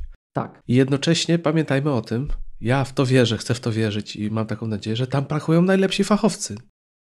Goście, którzy mają wizję, i pamiętajmy, że zobaczcie, my tu sobie gdybamy, siedzimy i pomyślcie, jakie tam są ścięcia, jakie tam są dywagacje. I oczywiście, że to się zmienia. To musi się zmieniać, bo tam przyjdzie gość i jest w stanie coś tam pewnie przerzucić z jednej strony na drugą, bo wpadł na pomysł, na który nikt jeszcze nie wpadł. Jest takie po powiedzenie wewnątrz Apple'a, które się już dawno wydostało na zewnątrz, że największym wrogiem Apple'a jest samo Apple w środku. Pewnie tak jest to tam wewnątrz na sali mają być ci, którzy najbardziej krytykują to, co robią, żeby widzieli, jakie są alternatywy na stole. Tutaj Kuba przywołałeś to Safari, ja wspomniałem o tym Macu Pro, ale to są paradoksalnie takie, moim zdaniem, krótkookresowe, więc niskiego priorytetu błędy albo średniego priorytetu, bo to Safari można było relatywnie prosto odkręcić. Mhm. Tego Maca Pro nawet w skali czasowej, o której rozmawiamy, też można relatywnie prosto odkręcić. To jest kilka lat, tak? Ale mieliśmy dużo poważniejsze wpadki. Apple przez bardzo wiele lat mówiło, że będzie Carbon 64-bitowy. I musieli się wycofać, zawodząc swoich najważniejszych deweloperów w tamtym momencie. Patrz, Adobe. Także i, i Microsoft zresztą też. Przez wiele lat mówiono, że będzie. Musieli się w, w, w pewnym momencie ktoś uderzył pięścią w stół, powiedział: Nie będzie, nie mamy na to zasobów. Nie będziemy w to szli. I wiele lat zajęło deweloperom i całemu ekosystemowi, żeby to odrobić. Mhm. Bo oni widzieli już coś dalej, ale to było coś, co na wiele lat nam miało wybudować grunt i zniknęło. Tak? Więc takie rzeczy są. I jak na to spojrzycie, to takim równoległym, bo my tu zaczęliśmy o tej automatyzacji rozumianej przez pryzmat natywnych frameworków, mhm. tego co Apple samo stworzyło, ale przypomnijmy, że macOS to jest Unix. Cały czas macOS to jest Unix certyfikowany. Apple pilnuje specyfikacji, płaci za prawo do nazwy zastrzeżonej. To jest Unix, to nie jest system Unixo-podobny, to nie jest y, Unix Derivative, czyli pochodna, to jest Unix, kropka w tym zdaniu. No i teraz, to jest Unix, ale zobaczcie, na przestrzeni ostatnich kilku lat stopniowo wycinaliśmy te takie, Amerykanie powiedzieliby staples. To, co zawsze na stole Unixowego domu miało być. Python w systemie, Bash jako konsola, Perl, Ruby, tego już nie ma. I o ile w niektórych przypadkach można się było licencją zas zasłaniać, to prawda, zasłaniać w dyskusjach takich w środowisku, bo Apple z tego co wiem nie skomentowało powodów tej decyzji, które podjęło, ale jak spojrzysz na to z dalszej perspektywy, no to widać pewien trend, którego pewnie byśmy w każdym przypadku licencją nie uzasadnili, tylko koniecznością utrzymywania tego wszystkiego. I zobaczcie, jakbyśmy spojrzeli, bo może to jest ciekawy klucz, żeby spojrzeć, ciekawy pryzmat spojrzenia na to pytanie. Mhm. E, ile osób zna tę automatyzację dobrze, czy, czy trzewia systemu, jeśli chodzi o natywną, natywne frameworki automatyzujące, natywne tak naprawdę te, te, te API wywołujące, właśnie jak Apple Events, o którym wspomniałeś, Kubo, tak? Bardzo mało. Garstka. Mhm. Ale ile osób kojarzy macOSa jako Unix, na którym zawsze mieli Pythona zainstalowanego albo Ruby? Większość deweloperów tak naprawdę. Tona deweloperów, którzy przeszli na nasze środowisko i platformy. I teraz tego nie ma to, to nie znaczy, że tego się nie da zrobić, bo oczywiście, że nawet po cichu Apple wspomaga projekty takie jak MacPort czy Homebrew, które to utrzymują, mhm. ale... Ale jednak poza. Y, ale już tego... Ale tak, ale tego nie dostarczamy. Teraz na, na Unixowych y, czy Unixo-pochodnych systemach oczywiście jest święta wojna o Waylanda, ale póki wszyscy byliśmy zgodni, że jednak warstwa graficzna to Xy, to na którym systemie? Na 10.10 Apple wyszło z Xów? Na 10. Między 10.6 a 10.10. Mhm, tak. Przestaliśmy dostarczać Xy. Apple zostało tym podmiotem wspierającym rozwój X-Quartz. I X-Quartz był wskazywany jako technologia, która ma implementować X11 na platformie Mac. Ale już nie było dostarczone w systemie. Przecież bardzo długo to była część macOSa. No i, i to rzeczywiście gdzieś jest tam widoczne. I tutaj trzy, trzy takie tylko podsumowujące z mojej perspektywy rzeczy, tak? Apple rzeczywiście pewną taką tendencję, o której tu, co do której się wszyscy zgodziliśmy, tak? Że zabezpieczamy, upraszczamy, unifikujemy, kładąc nacisk na przyszłość, na nowe platformy, bo to ma sens. To ma sens dla klientów, dla wszystkich. Głównie bezpieczeństwa, tak. Tak. Nie zawsze ma zasoby, żeby utrzymywać to, co my byśmy tutaj starzy użytkownicy, tak ładnie nas określę, mhm. chcieli widzieć i mieć. Pewnie samo Apple by chciało, ale nie zawsze może. Czasem podejmują złe decyzje, czasem zmieniają zdanie, czasem dorabiają wstecznie możliwości i trzecia rzecz, to miała być jedna z dwóch oryginalnych rzeczy, ale w tym zdaniu i w tym, w tym, w tym, w tym moim wejściu to będzie się rzeczy trzecia rzecz, a poprzednio zapomniałem bo mówiłem, że Apple nie boi się wywracać tego stolika, tworzyć technologii od zera, pewnych fragmentów, po prostu zastępować. E, właśnie, taki przykład, gdzie się dość szybko wycofali, a dość poważny komponent wymienili, to był, e, przypomnijcie mi, ta afera z DNS-ami, MDNS Responder. Mm, tak, pamiętam. Jak to się nazywało, że memy były? W Yosemite, kojarzycie? Nie pamiętam teraz tej nazwy, ale to potem wyrzucili, nie? Całkowicie, bo to sypało cały system. To, tak, i przepisali, przepisali na nowe MDNS-a. Ponoć, ponoć dlatego, że ktoś do Tima Cooka, jakiś słynny muzyk napisał. Ja nie wiem, czy do końca to, być może to jednak był ten moment, że walnęli pięścią w stół, ale zobaczcie, to jest przykład taki fragmentu dość kluczowej infrastruktury mhm. pewnego podsystemu, który został wycięty. Niskopoziomowej, tak. No nie, nie, nie, nie, robimy inaczej, tak? E, z takich większych rzeczy, no to właśnie widać, że Apple, zobaczcie, przejście na Apple Silicon, Gdybym miał wyciąć kernel extensions, to jest właśnie być może takie coś, co pokazuje, że może nie, nie wszystko przegrane. Przecież nie będziemy mieli kernel extensions na Vision Pro. Nie będziemy mieli na, nie mamy na iPadOSie, nie mamy na iOSie. Na Macu mamy, ale jest powiedziane nie, nie używajcie. Nie, nie, ale mamy, nie używajcie. Ale jest. Nie, nie używajcie, nie broń Boże, ale jest. Tak? I teraz jak przechodziliśmy na Apple Silicon, to był doskonały moment, żeby to wyciąć, żeby tego nie było. Bo to słuchajcie, i tak te kernel extensions nie działają, i tak je trzeba przekompilować, mhm. a my nie chcemy, żeby były. Wcześniej zaproponowaliśmy system extensions, coś co dało sterowniki pra prawdziwe, w cudzysłowie w stosunku do kernel extensions, ale de facto prawdziwe. Sterowniki dla iPada. iPad dzisiaj jest jeszcze bardziej komputerem. Ma w końcu słopa, ma wiele ekranów, ma prawdziwe sterowniki i to wszystko na iPadOS 16. Strach się bać, co nowe przyniosą 17 i późniejsze przepisaliśmy, całą infrastrukturę przepisaliśmy dla nowych platform od zera, bezpiecznie. Natomiast zobaczcie, na tym Macu, gdzie mieliśmy doskonałą wymówkę, na Apple Silicon to w ogóle nie musiało być. Nikt by nam nic nie zrobił. Powiedzielibyśmy, że się nie da i tak trzeba było przekompilować, a macie nie przekompilowywać. To zrobiliśmy. I dlatego Rogue Amoeba może Dokładnie. mieć swoje wpinki, tak? Nie macie tego używać. W ogóle nie, to nie do tego macie system extensions używać. Ale zrobiliśmy. Nie macie, nie, trzeba w ogóle skakać przez wiele płotków, żeby to włączyć. Nie, nie, nie, nie, ale zrobiliśmy. Nie używajcie, ale zrobiliśmy. Więc może gdzieś tam ktoś o nas będzie pamiętał, wystarczy im czasu i woli, a jak nie to, to może gdzieś wypchną pewne elementy do projektów zewnętrznych po cichu wspierając. Trzymam kciuki. Tak mniej więcej też było z całą odnogą macOSa, czyli kwestią serwerową, tak? To zupełnie zostało wycięte. Powoli, jak gdyby traciło ten wiatr w żagle, powoli to schodziło. Z, najpierw, to nie, najpierw to była osobna wersja, tak? Osobno się kupowało płytkę z, z inną wersją serwerową macOSa, która miała tak. cuda na kiju, serwery można było stawiać pocztowe, niepocztowe. Generalnie też po Apple'owemu wszystkie takie, te funkcjonalność Macowa, y, funkcjonalność Unixowa właśnie opakowana w prosty interfejs, gdzie po trzech kliknięciach można sobie było zrobić własny serwer iMessage na przykład, tak? I push notyfikacje wysyłać. Były jeszcze Apple'owe unikatowe rozwiązania w ProVideo, które się opierały o serwer. No tak, oczywiście. No ale to straciliśmy zupełnie. To przestało być w którymś momencie rozwijane, było dostarczane jako dodatkowa aplikacja, która tam coś tam działała mniej lub bardziej. Jeżeli tam sobie za mocno MacPortsami nie pogrzebałeś w systemie, no to było wszystko dobrze. Jak zbyt y, podniosłeś niektóre wersje niektórych, niektórych aplikacji, no to zaczynały się problemy, ale nie o to chodzi. To jakby też wypadło, no ale powstał właściwie cała gałąź, można powiedzieć, w zarządzaniu.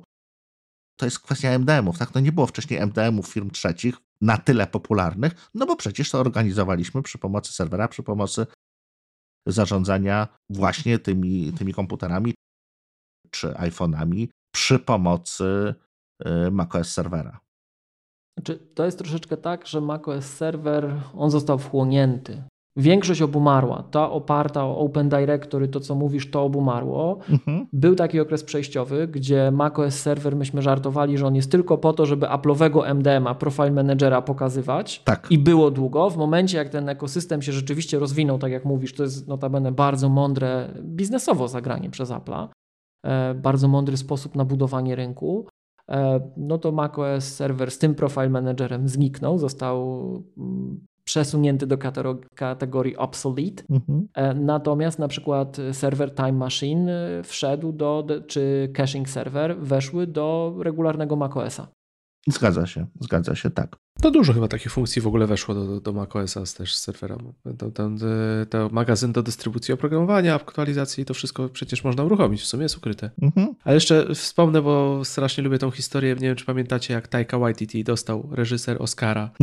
Jak go zapytali na wywiadach o to właśnie, co, co, co by chciał, jak on zaczął opowiadać o tej klawiaturze, że mu się zacina, Podejrzewam, że ci reporterzy nie wiedzieli w ogóle o co chodzi, tak. ale widać, że gościu naprawdę to przeżył. Ciekawe, jaki to miał wpływ na te klawiatury, ale to było doskonałe. No, nigdy bym się tego nie spodziewał, to było Mistrzostwo Świata. Plotki krążą, że miało. No ktoś mógł herz klekotu dostać, no. Myślę, że ktoś tam zadzwonił do kogoś w nocy, nie? W pewnych, w pewnych jakby to powiedzieć... Kręgach? Dobrze, dobrze poinformowanych amerykańskich podcastach bardzo głośno się mówiło, że to zostało usłyszane. Bo ja tam nie wiem, ale słyszałem w tych amerykańskich. Ale to było, to było doskonałe. On jeszcze pokazywał, nie? Tak. No dobra, panowie, ale mamy teraz taką sytuację, że no doszliśmy do wniosku, że no takich fajnych aplikacji jak kiedyś nie było. Tak, automatyzacja, no to jeszcze działa, ale czy za pięć wersji systemu operacyjnego będzie tak samo? No to jesteśmy zgodni, że nie. Tylko pytanie, czy będzie gorzej, czy będzie lepiej? Tego niestety na dzień dzisiejszy nie wiemy. Też w gruncie rzeczy doszliśmy do, też do, do wniosku takiego, że wszystkie nowe funkcjonalności, no to już raczej będzie Vision OS. Że macOS już jest raczej systemem takim no, wiekowym, starym, dopracowanym, e, dopieszczonym, że tutaj zbytniego rozwoju nie będzie. To jak z aplikacjami? Jak myślicie, jak to będzie wyglądało, że czy dalej nowe aplikacje będą powstawać, czy, czy jesteśmy skazani na to, że, że te aplikacje to będzie jakiś trzeci pomysł, czy trzecioligowe kwestie, że ci, co rzeczywiście chcą iść z prądem, chcą płynąć na tej fali, no to będą tworzyć aplikacje dla Vision OS-a, a czeka nas powiedzmy taka miernota, czy aplikacje jakieś takie elektronowe, multiplatformowe, no bo też świat w tą stronę zmierza, że system operacyjny przestaje być y, aż tak ważny tak, dla, dla działania aplikacji. Aplikacja ma działać na iOSie, na Androidzie, ma działać na Windowsie i na Macu. I to chyba w tej kolejności można by nawet powiedzieć, jeśli chodzi o, o pewne kręgi. Tu jeszcze dochodzi nam Vision OS do tego, który też może być tutaj y, jakimś tam znaczącym graczem. Czy, czy nie stracimy tej unikatowości? Tak? Czy, czy nie stracimy aplikacji, które definiowały Maca jako platformę, z której korzystało się po prostu przyjemnie? Kuba, jak to widzisz? Ja tutaj, jeżeli mogę zacząć, to jeszcze wracając, kończąc temat tych, tego systemu i tego, co się wydarzy za parę lat, może zabrzmi to trochę źle, ale ja liczę na to, że może nie będzie tak dobrze, jak jest teraz, ale nie będzie jeszcze tak źle, póki jest tam Craig Federighi, bo z mojej osobistej sympatii jest, yy, nawet uważam tak, że to jest ten człowiek, który póki tam jest, nie da nam zrobić krzywdy. On wywalczy nam to, że może nam coś zabiorą, ale on, te rzeczy, które my wszyscy kochamy, one będą. One zostaną. Jak będziemy wiedzieli, gdzie szukać, to je znajdziemy. Wydaje mi się, że to jest taki strażnik trochę jeszcze tego wszystkiego dobrego. I nie, naprawdę nie boję się wielu rzeczy tak bardzo, jeżeli chodzi o Apple, o, niż jak odejście właśnie Federigiego. Bo to jest gość, który nie dosyć, że charyzmą podbija wszystko, to jeszcze wydaje mi się właśnie takim gościem, który naprawdę to czuje, że on jest jednym z nas. Wiecie o co chodzi. W tych wywiadach z Gruberem to szczególnie widać. Tak, a mówiąc o tym, o czym ty mówisz, to wydaje mi się, że to już nastąpiło, że to już jest tak, że myśmy stracili ten pierwiastek niestety wyjątkowości systemu i aplikacji, które na nią powstają. Miłosz, nie chcę, żebyś odebrał to osobiście, ale wydaje mi się, że to trochę z lenistwa deweloperów, ponieważ chcą pisać na wszystkie platformy, chcą ten kod unifikować, wydaje mi się. Najlepszym, najlepszym, najgorszym przykładem, jeżeli mogę to tak powiedzieć, dla mnie jest One Password, które po prostu poszło w tym kierunku, żeby to wszystko zunifikować. Mhm. Niektórym jest, u niektórych jest super, u niektórych jest tragicznie, u niektórych jest nieźle. U mnie było świetnie, teraz jest tragicznie. Nie jestem fanem tej nowej aplikacji, ale to jest właśnie ten przykład, gdzie ten jeden z tych flagowców, o których mówiliśmy, bo jest parę firm, które było zawsze flagowcami, i dla mnie takim flagowcem było One Password jako aplikacja, którą poznałem na Macu. Mhm, tak. W tej chwili poszła szeroko, jest na każdej platformie i widać, że poszli w tym kierunku, żeby to zunifikować. A co za tym idzie, stracili tą jakość. Dla mnie to, był, to była aplikacja, która nigdy mnie nie zawodziła, kiedy jeszcze była pisana typowo na Maca i mieli rozdzielone te wszystkie swoje linie. Teraz jest inaczej. I to jest właśnie dla mnie ten doskonały sygnał do tego, że to nie idzie w dobrym kierunku i to jest to, o czym mówimy od początku, czyli że jednak ginie ta unikalność i ginie też widać u tych nawet najlepszych deweloperów ta ciągota do tego, żeby jednak na tym Macu ta aplikacja była perfekcyjna, żeby miała te standardy stare, do czego byliśmy przyzwyczajeni. A może to my jesteśmy po prostu już trochę zabytkowi i to tylko nam przeszkadza. Może też tak być. To ja się wtrącę teraz jeszcze szybciutko. Zadam pytanie konkretnie Miłoszowi. Tak dewelopersko przyszło mi do głowy. Słuchaj Miłosz, wymyślmy, przyjmijmy, że masz pomysł na aplikację za milion dolarów, tak? Aplikacja, która zmieni świat. Na którą platformę tworzysz ją najpierw, dzisiaj? Na wszystkie. Apple'owe wszystkie. Chciałbym. To jest to, to, inaczej to zdanie muszę ułożyć w, inaczej, w innej kolejności, tak. bo ono, ono wychodziło z mych ust. W miarę tworzenia się myśli. Najpierw była intencja, a potem był realizm. Mhm. Chciałbym, aby na wszystkie Apple'owe platformy. I tak z ciekawości. Czyli taka będzie trochę nijaka. Chciałbym to rozwinąć. Mhm. Jak myślicie, na której będzie najciężej? Ze wszystkich Apple'owych platform. No zależy pod jakim kontekstem. Vision OS. Promocji tej aplikacji? Żeby ją zrobić i żeby wszędzie działała tak samo. Vision OS. Kuba, masz inny pomysł? Wydaje mi się, że na Macu będzie na najtrudniej. Macu. Tak, na Macu. na Macu. Bo SwiftUI na Macu na tym etapie się sprawuje najgorzej. I teraz pozwolicie, że ja trochę mhm. wr zaraz do, wrócę do tego pytania konkretnie, ale przez pryzmat trochę tak jak Kuba przechodząc, tak? Słuchaj, ja, ja, tu, ja tu, słuchajcie, to jest taki, taki podcast, gdzie co jest dla mnie bardzo nietypowe. Ja w trakcie naszej dyskusji robię notatki, żeby się odnieść. Co jest, co jest chyba wredne, bo ja wracam i się będę czepiał. Ale trudno, Ej, jesteśmy w takim gronie, że trzeba być precyzyjnym. To kto ma być precyzyjnym, jak nie, my, jak nie nasza trójka, tak? Wydaje mi się, że po to powstał ten podcast właśnie. Właśnie. Ale niestety czasem mam wrażenie, jak tak w głowie sobie to formuję, że będą momenty, że żebym właściwie oddał prawę, czyli żebym nigdzie nie popełnił błędu, mhm. to muszę rozmyć odpowiedź i może będę brzmiał jak polityk albo prawnik momentami. Sorry. Słuchajcie, więc po kolei. Remek w pewnym tak. momencie doszedł do takiej konkluzji, że doszliśmy do wniosku, że za pięć lat to już tak z makiem nie będzie. Kuba trochę te nastroje tonował. Mhm. Postaram się to opowiedzieć inaczej, łącząc was. Dobra? Jasne. Słuchajcie, ewolucja jest taka, wydaje nam się niekorzystna. Mówiliśmy z punktu widzenia starych dziadków, mówiliśmy dlaczego, bo platforma jest przede wszystkim zabezpieczana, bo, za, bo bezpieczeństwo ma być, tak? Koniec. E, nieważne, co te tam malejące grono starych dziadków pamięta. To oni pamiętają, wyginą naturalnie. Ma być bezpiecznie i mamy nie popsuć. O to chodzi. Tak, dokładnie. To jest, to jest tak. I ma być fajnie i bezpiecznie, tak. Mhm. Bo może, może nawet nie tyle nie popsuć. Ma być fajnie. Ma, mamy oferować użytkownikom to, co oni chcą, mhm. to jak oni dzisiaj interpretują swoje potrzeby, ale ma być bezpiecznie. Koniec, kropka. I najlepiej jeszcze, żeby było szybko. Go to market, żeby był krótki, tak mhm. naprawdę. I teraz należy się spodziewać, że w ciągu pięciu lat ewolucja będzie przede wszystkim postępować w tę stronę, o której teraz powiedzieliśmy. Bezpiecznie, no i fajnie, tak? I jeszcze dobrze by było, jakby było szybko. Mhm.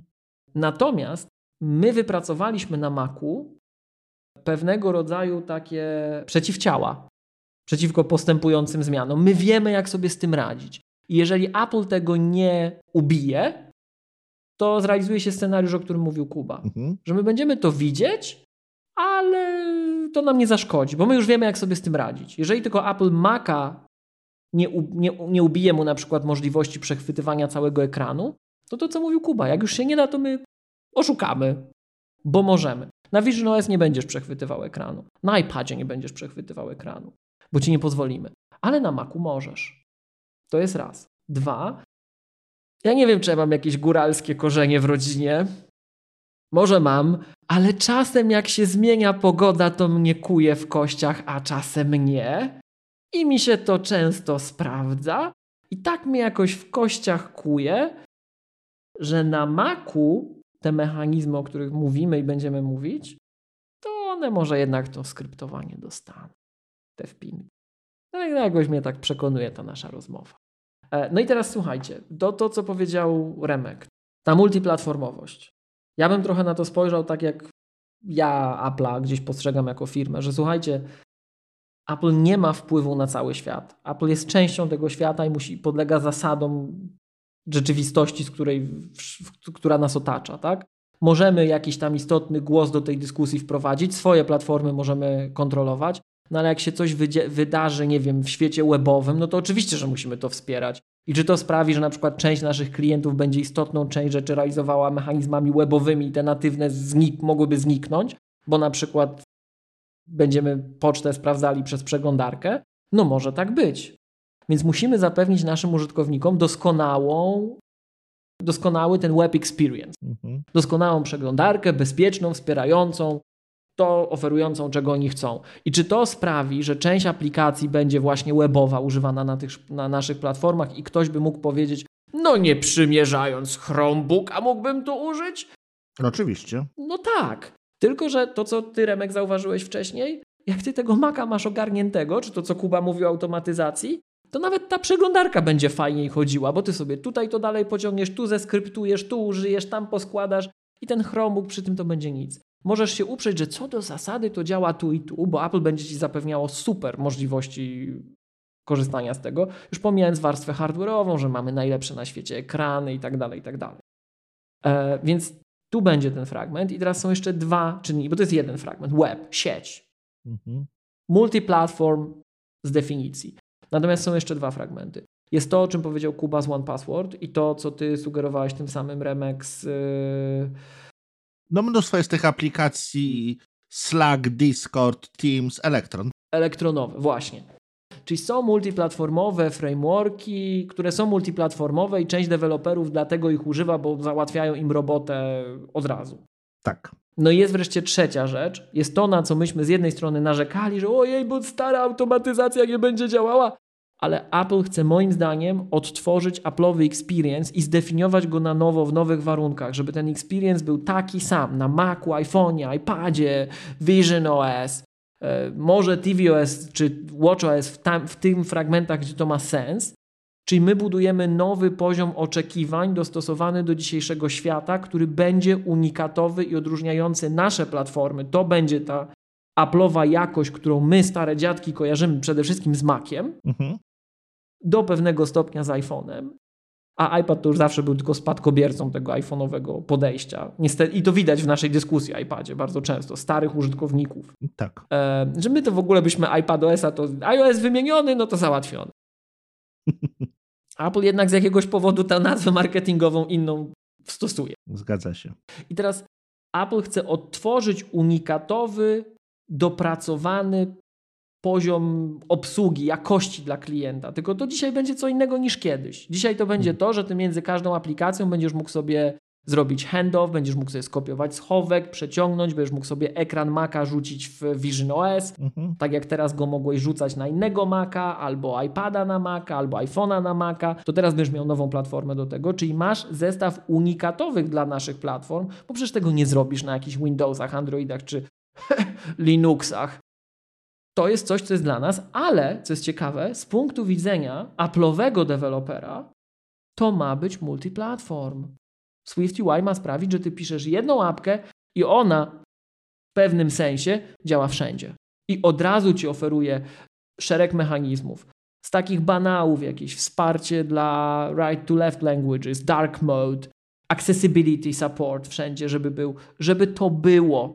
Accessibility support to nie jest banał akurat. To jest, po, to jest, to jest poważna rzecz. To jest bardzo ważna funkcja to systemu, jest, oczywiście. To jest dość duży poziom skomplikowania, ale właśnie to, że my, jak stosujesz SwiftUI, dajemy ci to wszędzie, no to come on, to jest właśnie ta jakość. A oprócz tego, z racji tego, że to jest oparte o nasze frameworki, no to będzie to sobie chodziło wszędzie. I teraz powiedziałem, że będę mówił jak polityk albo prawnik, a przynajmniej tak jak ja wyobrażam sobie te role społeczne i profesje. E, Kuba powiedział o tym, że OnePassword jest przykładem, konkretnie OnePassword, czyli Agile Beats jest przykładem tego, że ta makowa deweloperka, chciałby się powiedzieć pato deweloperka, zanika. I słuchajcie, moim zdaniem, i tu, tu jest ta odpowiedź rozwodniona, każdy z nas, deweloperów, funkcjonuje w innych okolicznościach. Podlega innym pokusom i celom, którym musi sprostać. To wynika z bardzo wielu elementów, na przykład ze struktury własnościowej organizacji, o której mówimy. I te grupy, co do których my się tu wszyscy zgodziliśmy, a które wymienił Kuba, czyli Panic, czyli Omni Group, e, kto jeszcze był trzeci? Rogue Amoeba. To kto to jest? to są makowi deweloperzy. Myśmy ich kiedyś nazywali indie deweloperami, chociaż jak patrzycie na headcount, na to ile ludzi ma Omni Group, to to żaden indie developer już dawno jest, ale to jest makowy developer. Przepraszam, czasem mi po angielsku przychodzi łatwiej coś powiedzieć, bo ja dość dużo o tych sprawach mówię po angielsku na co dzień. They are invested in these platforms. Te platformy są dla nich kluczowe, są najistotniejsze, są najważniejsze. To jest podstawa ich funkcjonowania, to jest podstawa ich tożsamości w pewien sposób. I oni już nie będą pisać w AppKit, czyli czymś, co kiedyś nazywaliśmy Coco. Oni będą, Apple chce, i oni też powoli zaczynają. Posłuchajcie Marco Armenta na przykład, takiego akurat indie dewelopera, ale nie tylko. Mhm. Oni chcą pisać w Swift UI. Tylko, że Swift UI jeszcze trochę nie jest spełnieniem tej obietnicy, którą w sobie ma. To dopiero nadejdzie. Aczkolwiek wydaje mi się, że. Szczególnie jeśli chodzi o kustomizację, bo ten core da się stworzyć, natomiast y, już y, z tego, tak jak rozumiem, kwestia prezentacji, dopieszczenia tych szczegółów, tego jeszcze nie zawsze jest tu są dwa fragmenty, bo z jednej strony były oczy... trzy, ale ostat... w ostatnich latach dwa. Co do zasady, Apple'owi deweloperzy chcieli, żeby to umiało jak najwięcej, jak najszybciej, było stabilne w tym, w jaki sposób się z tym pracuje. No i, roz... no i mo może tu się zatrzymajmy. I generalnie rzeczywiście na chwilę obecną to się, to się bardzo możliwe, że zmieni. Część rzeczy jeszcze jest pod NDA, więc może aż tak dużo nie mówmy, ale e, na etapie Ventury, może tak, na etapie Ventury najbardziej problematyczny z platform był Mac. Bo na Macu ten Swift UI, mhm. powiedzmy tak ogólnie, nie był tak stabilny, nie, deweloper nie mógł od niego oczekiwać tak, takiej stabilności w tym, czego on jako deweloper oczekuje, jak iPhone czy iPad. Ale Swift UI musi wystrzelić, musi przyspieszyć. No i należy się spodziewać, że na Macu też będzie coraz równiej w tym szyku wszystkich platform Mac stał. Tylko teraz zobaczcie, z punktu widzenia takiego dewelopera starego, jak ja, miałem zresztą ostatnio mhm. takie pytanie od jednego z klientów do naszego produktu. Tylko makowy produkt, tylko makowy. On nie istnieje na inne platformy, bo jest napisany w AppKit. Ale jak już jest napisany w AppKit, to on potrafi cuda. On się wpina w to wszystko fajne, fajne. No i gość nam napisał takiego maila z pytaniem, czy ten produkt który on widzi w App Store na zrzutkach, to czy on tak naprawdę wygląda, bo użytkownik chciałby ładnie wyglądające app. W domyśle AppKit jest brzydki. A technologie takie jak Swift UI czy Catalyst to już są ładne. No i myśmy trochę w pierwszej chwili się śmiać zaczęli, no bo tak sobie pomyśleliśmy, że słuchaj, jak on by był na tym Macu w Catalyście zrobiony, czy, czyli w UIKit, w iOS-owych frameworkach, E, czy w Swift UI napisany, to on by na tym Macu nie umiał tyle. Więc Mac by na tym stracił. Gdybyśmy mieli tylko Macową apkę zrobioną nowymi frameworkami, to by była gorsza, mówiąc krótko. Ale użytkownik się do nas zwrócił, byłaby ładniejsza. Inaczej to ocenił. Nawet jakby była tylko na Maca, to on by chciał, by wyglądała tak, jak on do tego przywykł na, na iPhone'ie czy na iPadzie. Więc nowe frameworki to jest nowy fundament dla platformy Apple, żeby była unikatowa. No bo zobaczcie, czy was to nie męczy, że my musimy mówić Mac? Czasem jak, jak szkolimy i tłumaczymy, że słuchaj, robisz raz i to działa na Macu, iPhone'ie, iPadzie, my to wymieniamy jako OSy. macOS, tvOS, iPadOS, iOS, WatchOS, VisionOS teraz. A jakbyśmy mówili AppleOS? Ja nie wiem, czy będziemy mówili, ale w gruncie rzeczy dążymy do unifikacji frameworka. Zgadza się żeby już wszystko było od pewnego momentu na tym, a klienta nie obchodzi. Przeciętny nasz użytkownik, tak sądzę, czy on tam wie, że to jest iPadOS, to jest iOS. Nie, on ma iPada i działa. A to jest produkt Apple. Więc jak to byś się nazywał Apple OS? Najgorsze, bo on jeszcze kupi czasem na iPada, a tu nie może uruchomić na Macu. Albo na iPhone'ie. No przecież ja kupiłem. Tak, no jak, no jak? No przecież to, to, to samo. Zresztą, już pomijając wszystko, pomijając wszystko, szkolenia techniczne makowe. Przychodzą ludzie na szkolenia techniczne makowe, ale fakt, że początkujący zupełnie. Żebyśmy rozumieli, jaka jest świadomość e, platformy. Przychodzą początkujący admini na pierwszego stopnia szkolenia Apple'owe, techniczne. Ale wiedzą, że przychodzą się uczyć o Macu. Tylko nie mają z nim doświadczenia, bo dopiero przeszli na tę platformę, dopiero z Windowsa się przesiadają, w dużych organizacjach na przykład. No i czy oni w ogóle wiedzą, że jest macOS? Większość mówi, że tu jest iOS. nie ma takiego, wiecie, my tutaj wiemy, że tu jest, i my tu w ogóle się kłócimy, że na tego macOSa to te apki z tego macOSa nie działają. A oni po pierwsze nie wiedzą, że te apki były, po drugie nie wiedzą, że to jest macOS, oni myślą, że to jest iOS. Gdzie jest problem, panowie? Normalnie gdzie jest problem? My tu w ogóle, słuchajcie, musimy znaleźć jakąś ładną analogię. Dotknąłeś w ogóle innego problemu, że ja się częściej spotykam nawet w firmach, tak, które inwestują w Maca. Tak, oni chcą mieć mniej, powiedzmy, problemów technicznych, mniej problemów e, z wirusami, z czymś. Założyciele. Bo Maki są tańsze, jak wliczysz koszt obsługi. Zależy jak patrzeć, to podyskutujemy kiedyś na ten temat. A możemy, możemy. No. Zatrudniają ludzi, no bo powiedzmy, no szefostwo firmy, twórcy firmy, no gdzieś tam wyrośli na tych makach, chcą to ciągnąć dalej, zatrudniają ludzi, firma rośnie, tak? To zatrudniają ludzi, którzy umieją w komputer, tak? Ale oni potrafią Windows i oni obsługują te, tego Maca tak, jakby obsługiwali Windowsy, tak? Zamykają aplikacje, wyłączają. Oni nie wiedzą w znakomitej większości, że tam coś więcej jeszcze jest. Walczą czasami z tym systemem, żeby on działał jak Windows, nie wiedząc, że on potrafi to robić lepiej.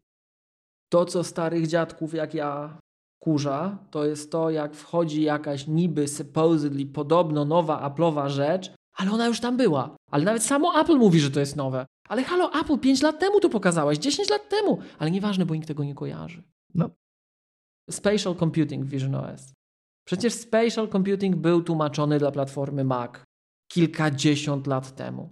State Restoration, czy jak to Apple nazywa w, swo na, w swoich oficjalnych materiałach App Resume, to jest de facto spatial computing, jak to połączysz z wieloma ekranami na Macu.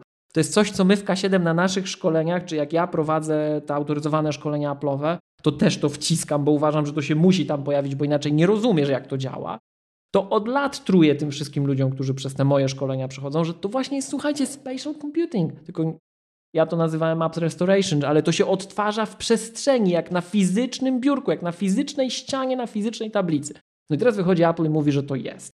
Wcześniej, nie wiem czy kojarzycie, w 2006 roku, nie, 2008, jak wyszedł MacBook Air, jaka była wojna wśród niektórych purystów jak Apple pozwalało na detekcję trzema, było dotknięcie trzema palcami, nie kliknięcie, dotknięcie trzema palcami na gładziku. Tak. I to robiło na przykład Quick Looka albo wywoływało słownik systemowy. To nadal jest w systemie, ale zostało sprzedane użytkownikowi ponownie jako y, mocniejsze kliknięcie, force click na Macu.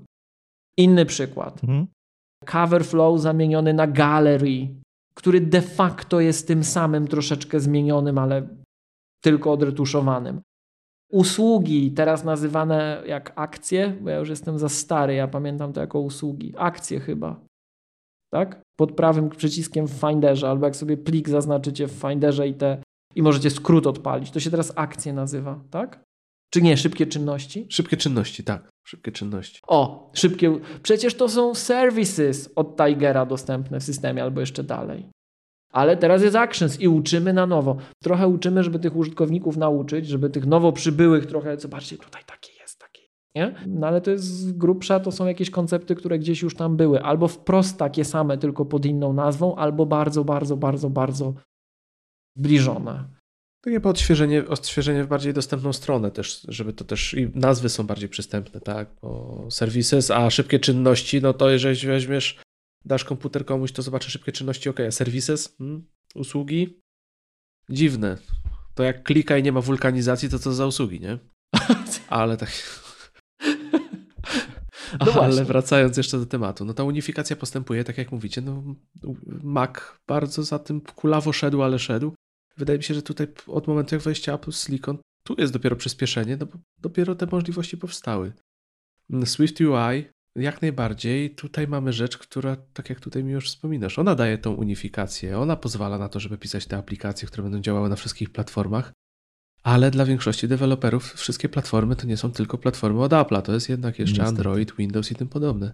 A wydaje mi się, że najbardziej bolesne jest to, że po prostu deweloperzy i usługodawcy i firmy idą w kierunku web apps. I za tym idzie Elektron, który tak naprawdę ma to ubrać w jakieś szaty To nas, to nas boi, boli. No zwróćmy uwagę, teraz w Sonomie tak dostajemy już, że web appsy możemy wyciągać sobie normalnie tak do doka i będą się uruchamiały jako strony internetowe, jako web, web appsy. Mhm. Więc oni też to widzą. I ciekaw jestem w sumie, bo nie wiem, jak to będzie wyglądało. Musiałem sobie to porównać, bo tego nie robiłem. Mamy na przykład Notion, tak, aplikację, którą ja używam, uwielbiam. To jest aplikacja webowa, która jako aplikacja na Macu, no to jest Electron, ona jest kulawa, ona jest wolna, ona się ładuje w tle. To jest olbrzymia różnica. Ich taki konkurent może nie bezpośredni Craft, mhm. który jest pisany natywną aplikacją. To jest przepaść, to jest użytkowa przepaść. Tam widać to gołym okiem, że to jest przepaść. I pytanie teraz, co będzie lepiej się sprawowało? Czy jeżeli ja sobie Notion wyciągnę jako WebAppsa w Sonomie na, i, i będę go w ten sposób uruchamiał, czy uruchamiając ją jako ta aplikacja elektronowa, którą mam w App Store? I to jest dla mnie ciekawostka. No ale w tym kierunku to idzie i chyba odwrotu nie ma tak naprawdę. Są wciąż te, te nasze flagowce, o których mówimy od początku, które nie idą tą drogą. I też nawet Swift UI, tak jak mi już mówi, że Swift UI jest, on się rozwija, ale on jeszcze nie jest doskonały. I właśnie ja bardzo lubię w tych, u tych deweloperów, których najbardziej szanuję, że oni też tego Swift UI na siłę nie używają. Tak jak mówiłem na początku, oni wprowadzają nowe zmiany, wprowadzają nowe funkcje, jeżeli, jeżeli są ok, jeżeli mogą je to zrobić dobrze, ale zwróćmy uwagę, Marco Arment, o którym wspominaliśmy, Overcasta dopiero powoli przepisuje, kawałek po kawałku i on weryfikuje, co działa, co nie działa. Omni Group, teraz właśnie OmniFocusa, od dwóch, już prawie dwóch lat jest w becie, bo powstaje cały w Swift UI, bo oni chcą właśnie zunifikować go na wszystkie platformy, żeby to był jeden cykl deweloperski. I robią to, robią to powoli, robią to konsekwentnie i to jest jednak ciężka, tak, praca, która wymaga wiele uwagi, żeby tego nie zepsuć. Ale to, co jest niepokojące i może to jest właśnie rzecz, która jest dla mnie najbardziej niepokojąca, jak długo jeszcze będziemy mieli takich deweloperów? Pewne pokolenie, wiadomo, tak jak o tym rozmawialiśmy, no lata lecą, Pewni tam puryści zaczynają po prostu już od, chcą odpocząć, chcą iść na emeryturę lub po prostu zaczynają znikać z tego świata. A idzie nowe. Mhm. Pytanie, czy to stare się utrzyma. Vision OS będzie takim trochę taką przystanią, bo to będzie taki kolejny zamknięty jako tak światek Apple'a i pytanie, jak tam te aplikacje będą się sprawować i co tam Apple zrobi. Ale no, może być dobrej myśli, ale to wszystko zależy od deweloperów, no i kierunek jest jaki jest. Taka jest prawda. A nam pozostaje się cieszyć, że jednak jesteśmy na tej platformie, gdzie rzeczywiście wciąż są tacy, którzy potrafią tworzyć te, te takie cukiereczki nasze ulubione. Ale no, temat jest długi, rozległy. Myślę, że moglibyśmy tutaj jeszcze co najmniej trzy godziny o tym rozmawiać. Tak. Ale dużo, dużo ciekawych wniosków, fajnych przemyśleń i też fajne, fajne, dużo fajnych koncepcji się tu urodziło w trakcie tego nagrania. W ogóle jedno zdanie, jeśli mogę. Dzięki Kuba za, za, za tą wypowiedź, bo mi ona pozwoliła połączyć kropki, ale będę miał do ciebie i do Remka pytanie. Mhm. Bo ja, jak jeszcze raz sobie układam w głowie tą całą naszą dyskusję, to powiem Wam szczerze, ja po tym nagraniu jestem sam mądrzejszy. Ja dzięki rozmowie z Wami sobie to w głowie ułożyłem. Chociaż ja to, ja to gdzieś miałem, te wszystkie informacje, ale musiałem je Wam opowiedzieć, z Wami Was posłuchać, żeby mi się to złożyło w całość. Rzeczywiście Swift UI to jest nowa platforma. Ona jest niedoskonała, rośnie, ale to ma być ta platforma mhm. i ona ma pewne cechy. Ona jest łatwiejsza, ona nie pozwala na to, co, co, powiedział Remek, że my tu sobie tak kiedyś na maku wycyzelujemy, słuchajcie, że tutaj ta ikoneczka to ma się tak rozwijać. Bo Swift UI implementuje jakiś rodzaj rozwijania i tak ma być. A wszelkie, przepraszam za zwrot, cudowanie e, jest bardzo kosztowne i de facto sprawia, że masz, musisz wkomponować stare framework. Dokładnie. Czyli musisz mieć sklejkę tu masz Swift UI, a tu już nie masz Swift UI, co sprawia, że ta apka już w tym momencie nie jest całkowicie przenośna między platformami. Ale zastanówmy się. Ale w ogóle, przepraszam, tylko ci wejdę w słowo. Jedną tylko rzecz. Fantastyczne, że to się w ogóle da. Tak, że to się, tak. I to jest przykład na to, że Apple utrzymuje w czasie pewne rzeczy. To, co mówiliśmy, że te klocki stare dalej można... Pa- tak, że szacunek na to, ale teraz zobaczcie, zastanówmy się. Powiedzmy, że mamy takiego dubacza, takiego indie dewelopera, takie a, bo tutaj da się tak ślicznie zrobić, nie? Przecież jak już sobie sam ślicznie zrobi na tego Maca, to ten sam mechanizm, który zastosował na Macu customowy, który nie pochodził od Apple'a, Przecież on się na interfejsie sterowanym myszką nie odniesiesz go ani do dotyku, ani tym bardziej do tego Vision OS. Oczywiście. Ale spójrzmy na to z drugiej strony. Czy użytkownika na Vision OS na Boga interesuje, że to się ładnie rozwinie? Nie. On, słuchajcie, to on to ma na głowie, to jest w jego pokoju w ogóle. Czat to ma działać po prostu, ma być takie samo jak gdzie indziej. Moim zdaniem to, że tu się będzie pięknie rozwijało, tak jak kiedyś na Macu, to już nie będzie miało takiego znaczenia. W sensie ja jako użytkownik. Ale z, pamiętajmy o jednej rzeczy, że jedną z rzeczy, z jedną z funkcji, których oni jako, określają jako flagowe, będzie to, że podchodzisz, otwierasz tego Maca i masz rzut i masz tego wielkiego, powiedzmy, XDR-a przed sobą i te aplikacje będziesz używał, będziesz używał swojego komputera wirtualnie. Ale z tego, co rozumiem, mam kolegę, który teraz pojechał testować do Monachium Vision Pro i go poprosiłem, bo to jest taki guide Apple'a całodzienny, mhm. żeby bardzo, jeżeli tylko będzie ku temu sposobność, yy, zwrócił uwagę na to, nie wiem, czy mi będzie mógł powiedzieć, może, może się dowiem już po premierze, bo, bo, bo się dowie, ale mi nie będzie mógł powiedzieć, no to będę razem z wami czekał, ale albo sam w końcu pojadę obejrzeć, ale jak mi się uda dostać. Natomiast z tego, co ja rozumiem, to to rzutowanie Maca to jest po prostu AirPlay. Czyli mówiąc yy, wprost, to jest macowe getto. To nie będzie interakcji między tym, co jest na Macu, na ekranie, a tymi apkami iOS-owymi, iPadowymi, które działają obok. I z tego, co rozumiem, poprawcie mnie, jeżeli wy wiecie, a ja tylko się domyślam, bo nie śledziłem tego aż tak dokładnie, to jest tak, że możemy mieć tylko jeden ekran makowy, tak. a generalnie możemy mieć jak gdyby trzy konteksty uruchomione, czyli mogę mieć dwie aplikacje z iPada na przykład takie natywne i ten ekran Maca, ale to jest nadal ekran Maca. Jeden, dokładnie. Ja będę mógł go obsługiwać tak jak Maca. Czyli na tym ekranie Maca w Vision OS ja będę mógł sobie nawet skryptować UI tego Maca, bo to jest po prostu ekran. Dokładnie. To, się, to, to nie jest element tej platformy. Elementy tej platformy to są apki z iPhone'a i z iPada, czyli te, które już są w Swift UI, czyli ten natywny zestaw możliwości, to jest zestaw Swift UI tożsamy z tym, co nam kiedyś UIKit wprowadzał, tak? Ale to już jest wykonane w Swift UI. No i teraz, takie miałem, słuchajcie, jedno pytanie do Was, mhm. takie twarde, bo ja nie umiem tego ocenić z racji tego, jak ja pracuję, jak ja funkcjonuję na co dzień, w jakim otoczeniu. Bo ja żyję w Apple'owej bańce w dużym mierze. Ja, ja, ja nie jestem wyeksponowany na Windowsa czy Androida, tak jak wy na pewno. Ale tak jak słucham ludzi, słucham gdzieś studentów, znajomych, teraz to wszystkim podpadnę, to jakość oprogramowania na Androidzie to dziadostwo jest. No. Ta sama apka nie działa tak dobrze na Androidzie jak na iPhone'ie. Zazwyczaj tak. I zazwyczaj androidowcy mówią, no tak, bo tam to trzeba płacić za wszystko, a na Androidzie to jest za darmo, co moim zdaniem, ja tu zawsze mówię, że tego co ja wiem, to za część produktów, o których mi tu mówicie, to nie trzeba wcale na iPhone płacić, ale może tak, przy czym ta jakość jest większa, ta, lepsze, lepsze to są produkty, tak? Są deweloperzy, którzy wypuszczają na iOS-a i na te, te, z tych flagowych, na przykład Day One. Nie? No, ciekaw jestem, czy Day One na Androidzie. Obstawiam, że jest tej samej jakości. Chyba, że tam nie ma możliwości takich, ale Wydaje mi się, że to kwestia tego, czy mówimy. To muszą być po prostu ci ludzie, którzy przykładają wagę do tego, co wychodzi spod ich ręki. A nie, że wypuszczają coś, co tylko ma, wiesz, MVP, nie? To jest kwestia pewnie też jeszcze tego, że na Androida jednak jest mniejsza selekcja. Tam, na, jeżeli spojrzymy na te aplikacje masowe, nawet to, to na Androidzie będzie gorzej, ale nawet jeżeli, wiecie co, ja kiedyś miałem taką przy, przy, przy kompocie wymyśliliśmy z Markiem jakiś taki temat, że mm, jakieś nowe aplikacje na iOS-a czy, czy na iPadOS-a. Yy, no i coś, coś, coś nowego, co używamy, a że ja nie miałem za bardzo nic nowego takiego, nic mi nie wpadło przez, przez ostatni czas, no to stwierdziłem, no dobra, to ja odrobię lekcję, zobaczę, co to jest nowego, co to się promuje. Więc yy, wpisałem w wyszukiwarkę nowe aplikacje na Mac, popularne aplikacje, no co, coś takiego. I postanowiłem posłużyć się YouTube'em, no bo tam jest mnóstwo takich gdzie top 10 tam aplikacji. W tych top 10 było tyle chłamu. Był głównie chłam. Takie aplikacje jawnie wyciągające pieniądze, które ktoś później reklamował. Więc to też zależy, którą stronę patrzymy i z której strony podchodzimy do, do tej platformy.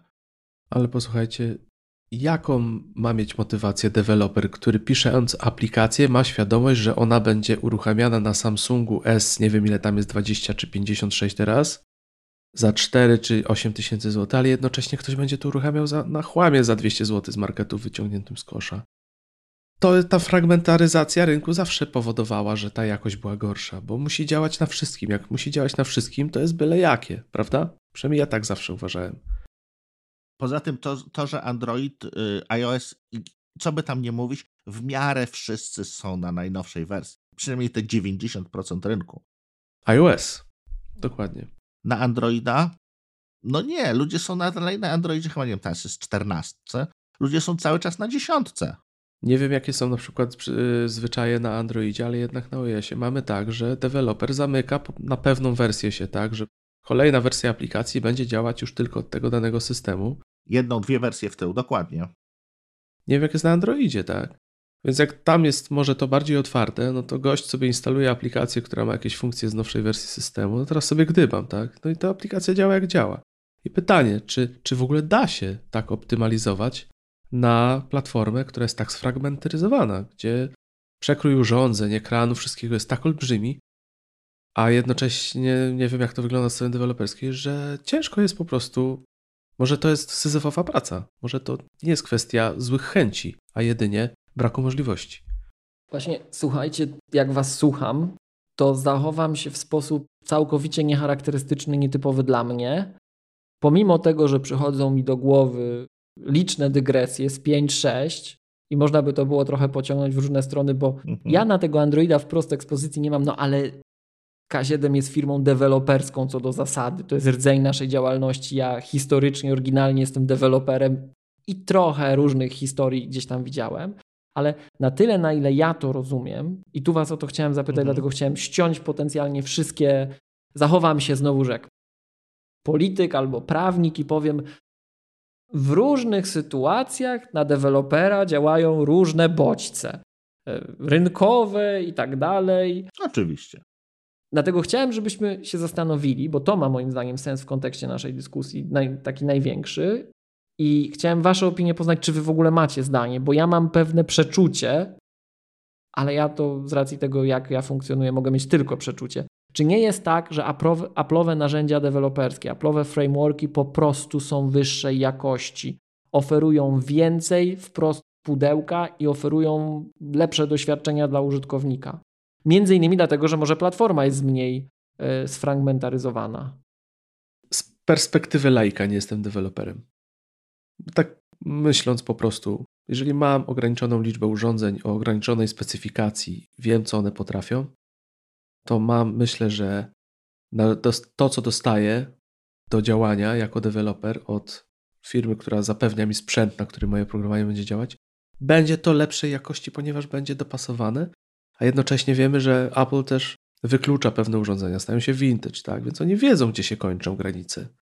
I wydaje mi się, że tutaj jest to. I to jest, to jest ta przewaga, o którą zawsze walczył Jobs, że to ma być zamknięty ekosystem, nie sprzedajemy tego dalej, mamy swoje szyte na miarę rzeczy, i to owocuje, tak mi się wydaje. Ale wiesz co, też z drugiej strony może być taka sytuacja, że wróćmy jeszcze raz do tego pomysłu za milion dolarów, jakoś tak mi utkwiło to. W momencie, kiedy startujesz z czymś takim, to tak do końca nie możesz być przekonany, że ta aplikacja, że każdy twój pomysł zostanie przez Apple zaakceptowany, tak, że ona gdzieś na etapie weryfikacji nie wyjdzie, że o, jednak to jest za dużo, my na to nie pozwalamy.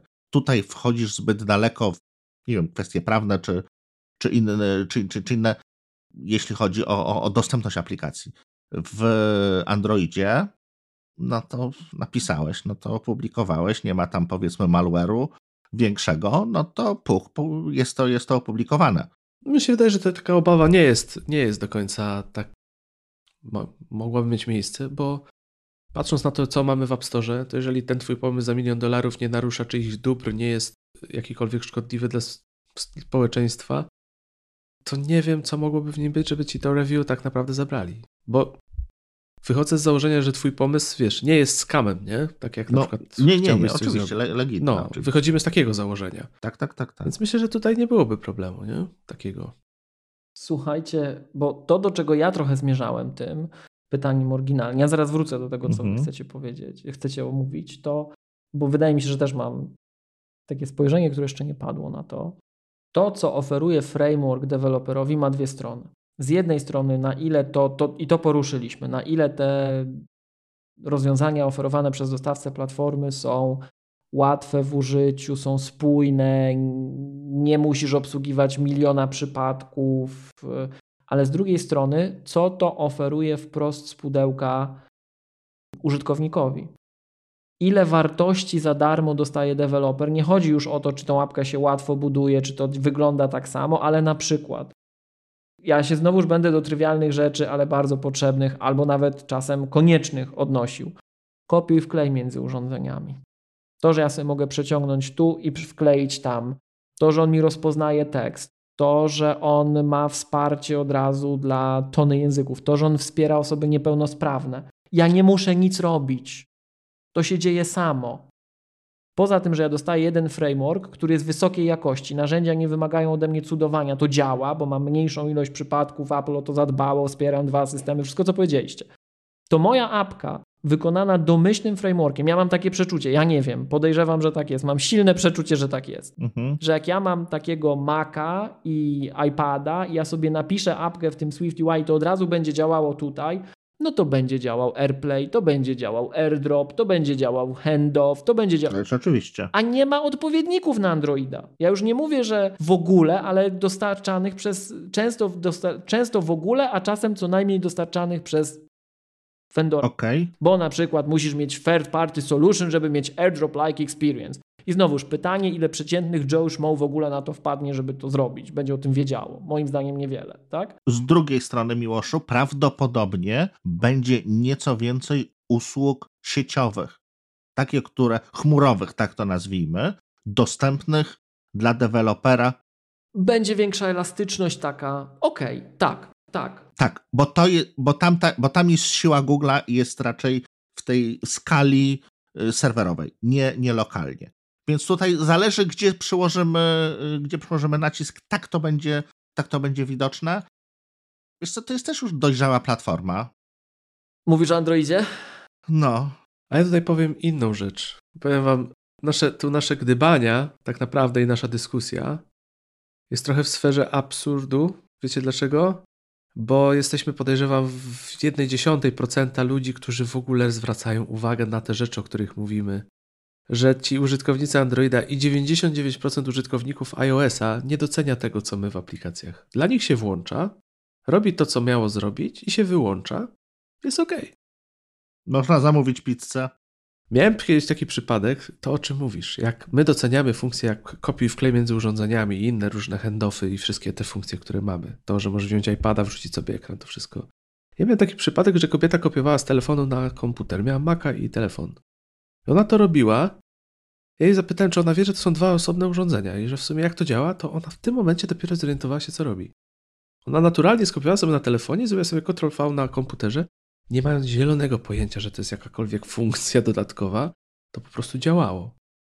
I ja się nie zdziwię, wiesz, jak ludzie takie rzeczy robią, bo dla mnie fenomen Apple od zawsze był taki, że osoby najmniej techniczne, dasz im te urządzenia, przynajmniej tak było często, to jest taki fajny eksperyment, dać i zobaczyć, jak sobie radzą. Jak łatwo potrafią znaleźć, odnaleźć się i wykonywać gesty, które nam wydaje się, że trzeba by ich nauczyć, a dla nich są naturalne. I to jest ta siła tej platformy też. Szczególnie młodszych, tak. Właśnie do tego dążyłem. Właśnie, Kuba, to jest to, do czego zmierzałem. Bardzo, bardzo fajnie to opowiedziałeś. No bo zobaczcie, użytkownik to dostaje, ale de dla dewelopera oznacza to tyle że jak on się nauczy Apple'owych frameworków, to jego produkty będą kojarzone z wyższej jakości doświadczeniem dla użytkownika. Użytkownik będzie wiedział, że na Apple'u to działa lepiej, jeżeli kiedyś ktoś mu pokaże, że na Androidzie i Windowsie sobie nie zrobi kopii w klej. No, jeśli będzie tego świadomy, tak. Jeżeli będzie tego świadomy. Po prostu tu będzie działało. I deweloperzy w pewnym, znaczy deweloperzy to czują, że tych użytkowników high-endowych to oni mają tutaj, oni mają na Apple'owych platformach. I teraz to ma, to ma dwie takie, moim, dwa następstwa moim zdaniem. Jedno jest takie, to co powiedział Remek, że słuchajcie, jak ja bym chciał zarobić milion dolarów, to jak ja do tego podejdę? Pomijając, że w świecie apek to nie jest dużo, ale powiedzmy, że ja chcę zarobić milion dolarów, to jak ja na to podejdę? Będę w ogóle myślał o Androidzie? Moim zdaniem nie. Jak mam ograniczone zasoby, to wydam to na Apple'a. Bo ja na Apple'u zarobię ten milion dolarów in no time. No bo tam są ludzie, którzy płacą za aplikację. A pomijając to się mniej umorduje, będę miał lepszy produkt. Dopiero jak będę już naprawdę przekroczę ten taki po poziom, że myślę w milionach dolarów, a mhm. zacznę patrzeć w dziesiątki, setki milionów dolarów i globalną dominację jako produkt, to w tym momencie ja muszę zacząć myśleć o Androidzie. Ale wydaje mi się, że łatwiej jest zacząć na Apple'u. I paradoksalnie, moim zdaniem, w bardzo długim okresie, i to po, po części widać, Apple może wygrać wojnę z Androidem, powoli prze, przechwytując po troszku tu deweloperów, tu userów, tu deweloperów, tu userów.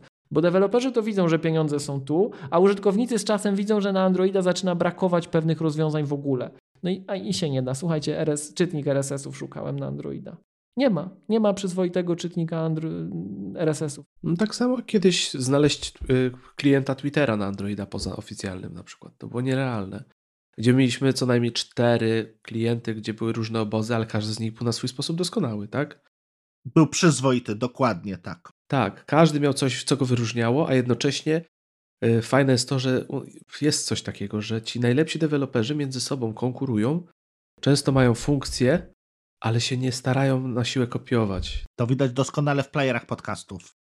Tak, i jak są jakieś fajne funkcje, nawet wspominają, było tak chyba z kopiowaniem fragmentów podcastów, to też, że chyba Castro to wdrożył, ale oni dosłownie to chyba nawet mówili, że to było z Overcasta inspiracja pochodzi i ten taki szacunek między tymi najlepszymi był.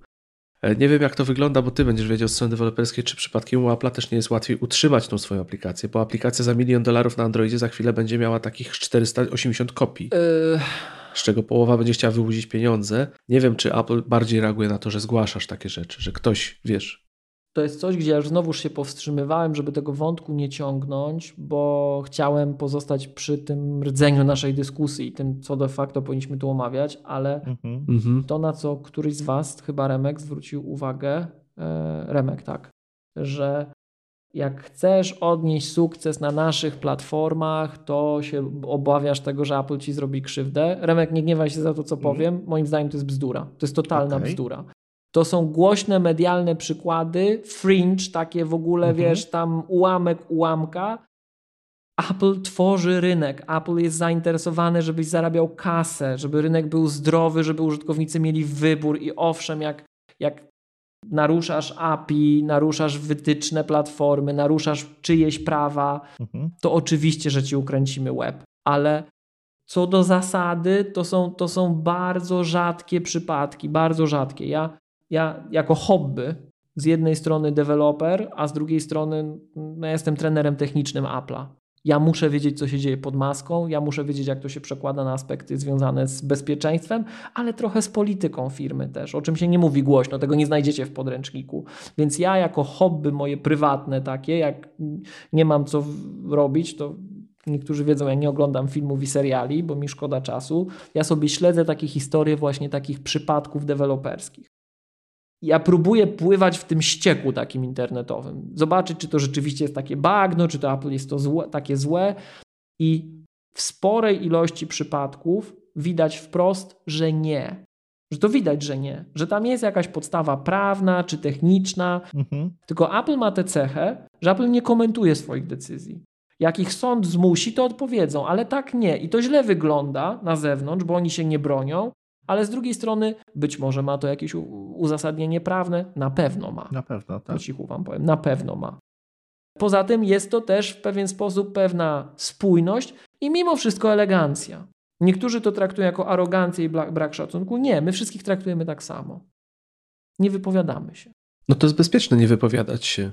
Nie powiemy, że ten to jest zły, go palcem tam, że to ten zły. To Steve Jobs miał kiedyś taką linijkę, ale Steve lubił przekraczać granice, w szczególności jak miał mikrofon przed sobą i konkretnie go zapytano, tak? Było ta słynna odpowiedź, nie biegnij do prasy, bo czasem jesteś cholernym kłamcą. No wiesz co, miłość no parę, paru szefów dużych firm było na dywaniku Tima Cooka za przekraczanie.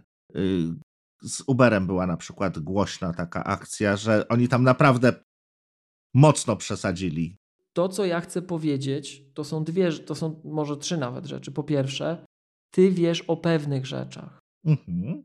O ilu być może skandalicznych nie wiesz, a o ilu milionach czy miliardach transakcji realizowanych nie masz pojęcia. Oczywiście. Bo my widzimy, nie wiem, 10, tak? Powiedzmy, to jest 10 z tysiąca skandalicznych. My nie widzimy tych najbardziej skandalicznych, bo wszystkie strony są zainteresowane tym, żeby to nie wyszło na zewnątrz. Mhm. Ja nie chciałem się powoływać na żadne konkrety, bo tu teraz byśmy trzy godziny musieli kontekst budować, ale właśnie w takich sprawach jak sprawa Facebooka, jak sprawa Ubera, to było widać, że Apple podejmowało działania, które miały chronić użytkownika. Tak. Miały chronić użytkownika, jego szeroko, rozumianą, e, szeroko rozumiany dobrostan, a także, co tu dużo mówić, także bezpieczeństwo techniczne platformy i prawny standing firmy, chociażby jako dostawcy platformy. Tam jest zawsze szereg czynników. Dobrze, to ja tylko jedną rzecz, Miłoszu. Podsumowanie. Mówię, że Apple traktuje deweloperów tak samo. Tak. Tak? Z jednej strony tak, a z drugiej strony, jeżeli K7 zrobiłoby coś takiego jak Facebook czy jak Uber, to nie mielibyście już wstępu na tą platformę. A oni z racji wielkości dostali po łapach, ale zostali. Tylko tyle. Mam z tyłu głowy nazwisko, ale nie wiem, czy właściwe. Wiem, że to nazwisko, które mam, się szarpało z Applem w inny sposób. Był taki deweloper rumuński. Znamy sprawę. Który różne rzeczy, różne rzeczy wywijał mhm. i mówił, mówił publicznie, że go Apple piętnuje, la la la la la. Ale jak spojrzałeś na to, co ujawniono później od strony formalnej, to to wyglądało jak pranie pieniędzy, co jest nielegalne. To jest, śled, to jest z urzędu ścigane przez rządy instytucje międzynarodowe i tobie jako kontrahentowi nie wolno tego obsłużyć. Nie wolno, koniec, masz to odrzucić. Jasne. Prawo ci nakazuje odrzucić. I teraz to była jedna osoba, pobiegła do mediów i to, co Steve mówił, bloody liar, on chyba gorzej powiedział. Pobiegł do prasy i się postawił i wygrał. I on wygrał nieuczciwie. On Apple'a tak jak ten Uber czy ten Facebook naciągnął, czy to Google, bo Google też miało takie w swojej historii akcje, tak? Zresztą pewne linie lotnicze poważne też miały. I da się. I tutaj paradoksalnie to nie jest tak, że to Apple jest złe i kogoś utrąca, bo na to trzeba z drugiej strony spojrzeć. Apple stara się utrącić w korzystny dla użytkowników i platformy i prawnego standingu firmy każdego tak samo, ale nie każdego może. Zgadza się. Po prostu, bo się niektórzy wywiną, bo mają taką siłę. Tylko, że wiemy, że jemu się udało i on mógł się postawić, ale podejrzewam o setkach tysięcy ukroconych łubów nie wiemy, które nie miały siły przebicia, nie? Ale słuchajcie, ale to żeby, żeby jeszcze jedna rzecz. W każdym z tych przypadków był jakiś brud za skórą. Ależ oczywiście. Tak, tylko że żebyśmy się, ja im kibicuję w tym i wasze chcę, żeby byli surowi, nie? To, co mnie, ja mam, wiecie, no ja, ja, jestem trenerem technicznym, obowiązkowy element każdego szkolenia technicznego, choćby, choćby nie wiadomo o czym to szkolenie było, zawsze się pojawiają chociaż jakiś zarys podstawy bezpieczeństwa platformy. Zawsze się pojawia temat App Store. Temat App Store jest nie do przeskoczenia. On się musi pojawić choćby jednym zdaniem. Nie, nieważne, jakie to jest szkolenie. Co jakiś czas na takim szkoleniu się pojawiają oczywiście goście, którzy czytają jakiegoś yy, jednego czy drugiego technopudelka, przepraszam, który oczywiście lubi Apple'owi błędy wytykać, bo fajnie się błotem rzuca w dużego, którego wszyscy podziwiają. Tak? To jest naturalna cecha ludzka. Już pomijając, że się klika i się opłaca, ale dobrze jest tu, wiecie, ten jest na pewno duży, to na pewno źle, nie? I, i zaraz się pojawiają kontrprzykłady i no zupełnie szczerze, przecież te kontrprzykłady czasem mają sens. No tak. Czy ja nie byłem, ja osobiście, jako Miłosz Staszewski, nie jako trener, nie jako deweloper, jako gość, który po prostu jest w kategorią X aplikacji zainteresowany. Czy nie było w historii tak, że ja sam byłem w stanie zauważyć w App Store, ja, jeden człowiek, nie jakaś ekipa, nie jakiś rząd, regulator, zorganizowana akcja. Jeden gość, jeden fizycznie człowiek, który chciał rozwiązać sobie problem na iPhone'ie, znajdował jakąś apkę i ta apka akurat była cholera dobra. Ona, ja widziałem, że ona przekracza granicę App Store. Ja wiedziałem, ale właśnie dlatego mi się podobała, bo te granice na przykład y, były takie, że ja chciałem, żeby ona je przekroczyła. Już nie chcę o konkretach mówić, tak? Apple oczywiście to wywalało. Apka była z Meksyku, Mijały trzy, tam trzy tygodnie i taka sama apka, piksel do piksela, taka sama z inną nazwą z Kazachstanu wracała. Uwalili z Kazachstanu, mijały trzy tygodnie, z Ukrainy wracała. Z tych tak zwanych porous states, gdzie można na słupa łatwiej coś założyć. Oczywiście. Tak? I teraz, czy Apple z tym walczy? Walczy. Czy jest to mechanizm doskonały? Nie jest. Skala jest za duża. I teraz naprawdę trzeba uczciwie czy, czy, o, jeszcze jedna rzecz. Czy ja jako użytkownik, pomijając wszystko, pomijając cały kontekst, który widzę, czy ja jako użytkownik czuję się na tej platformie bezpieczny i czy uważam, że jest to najbezpieczniejsza platforma ze wszystkich out there, wliczając Windowsa, Linuxa, co to ludzie mówią, że jest bezpieczny, bo jest open source, to jest taka, takie kłamstwo i lipa. Pokażcie mi tego, co ten kod studiuje.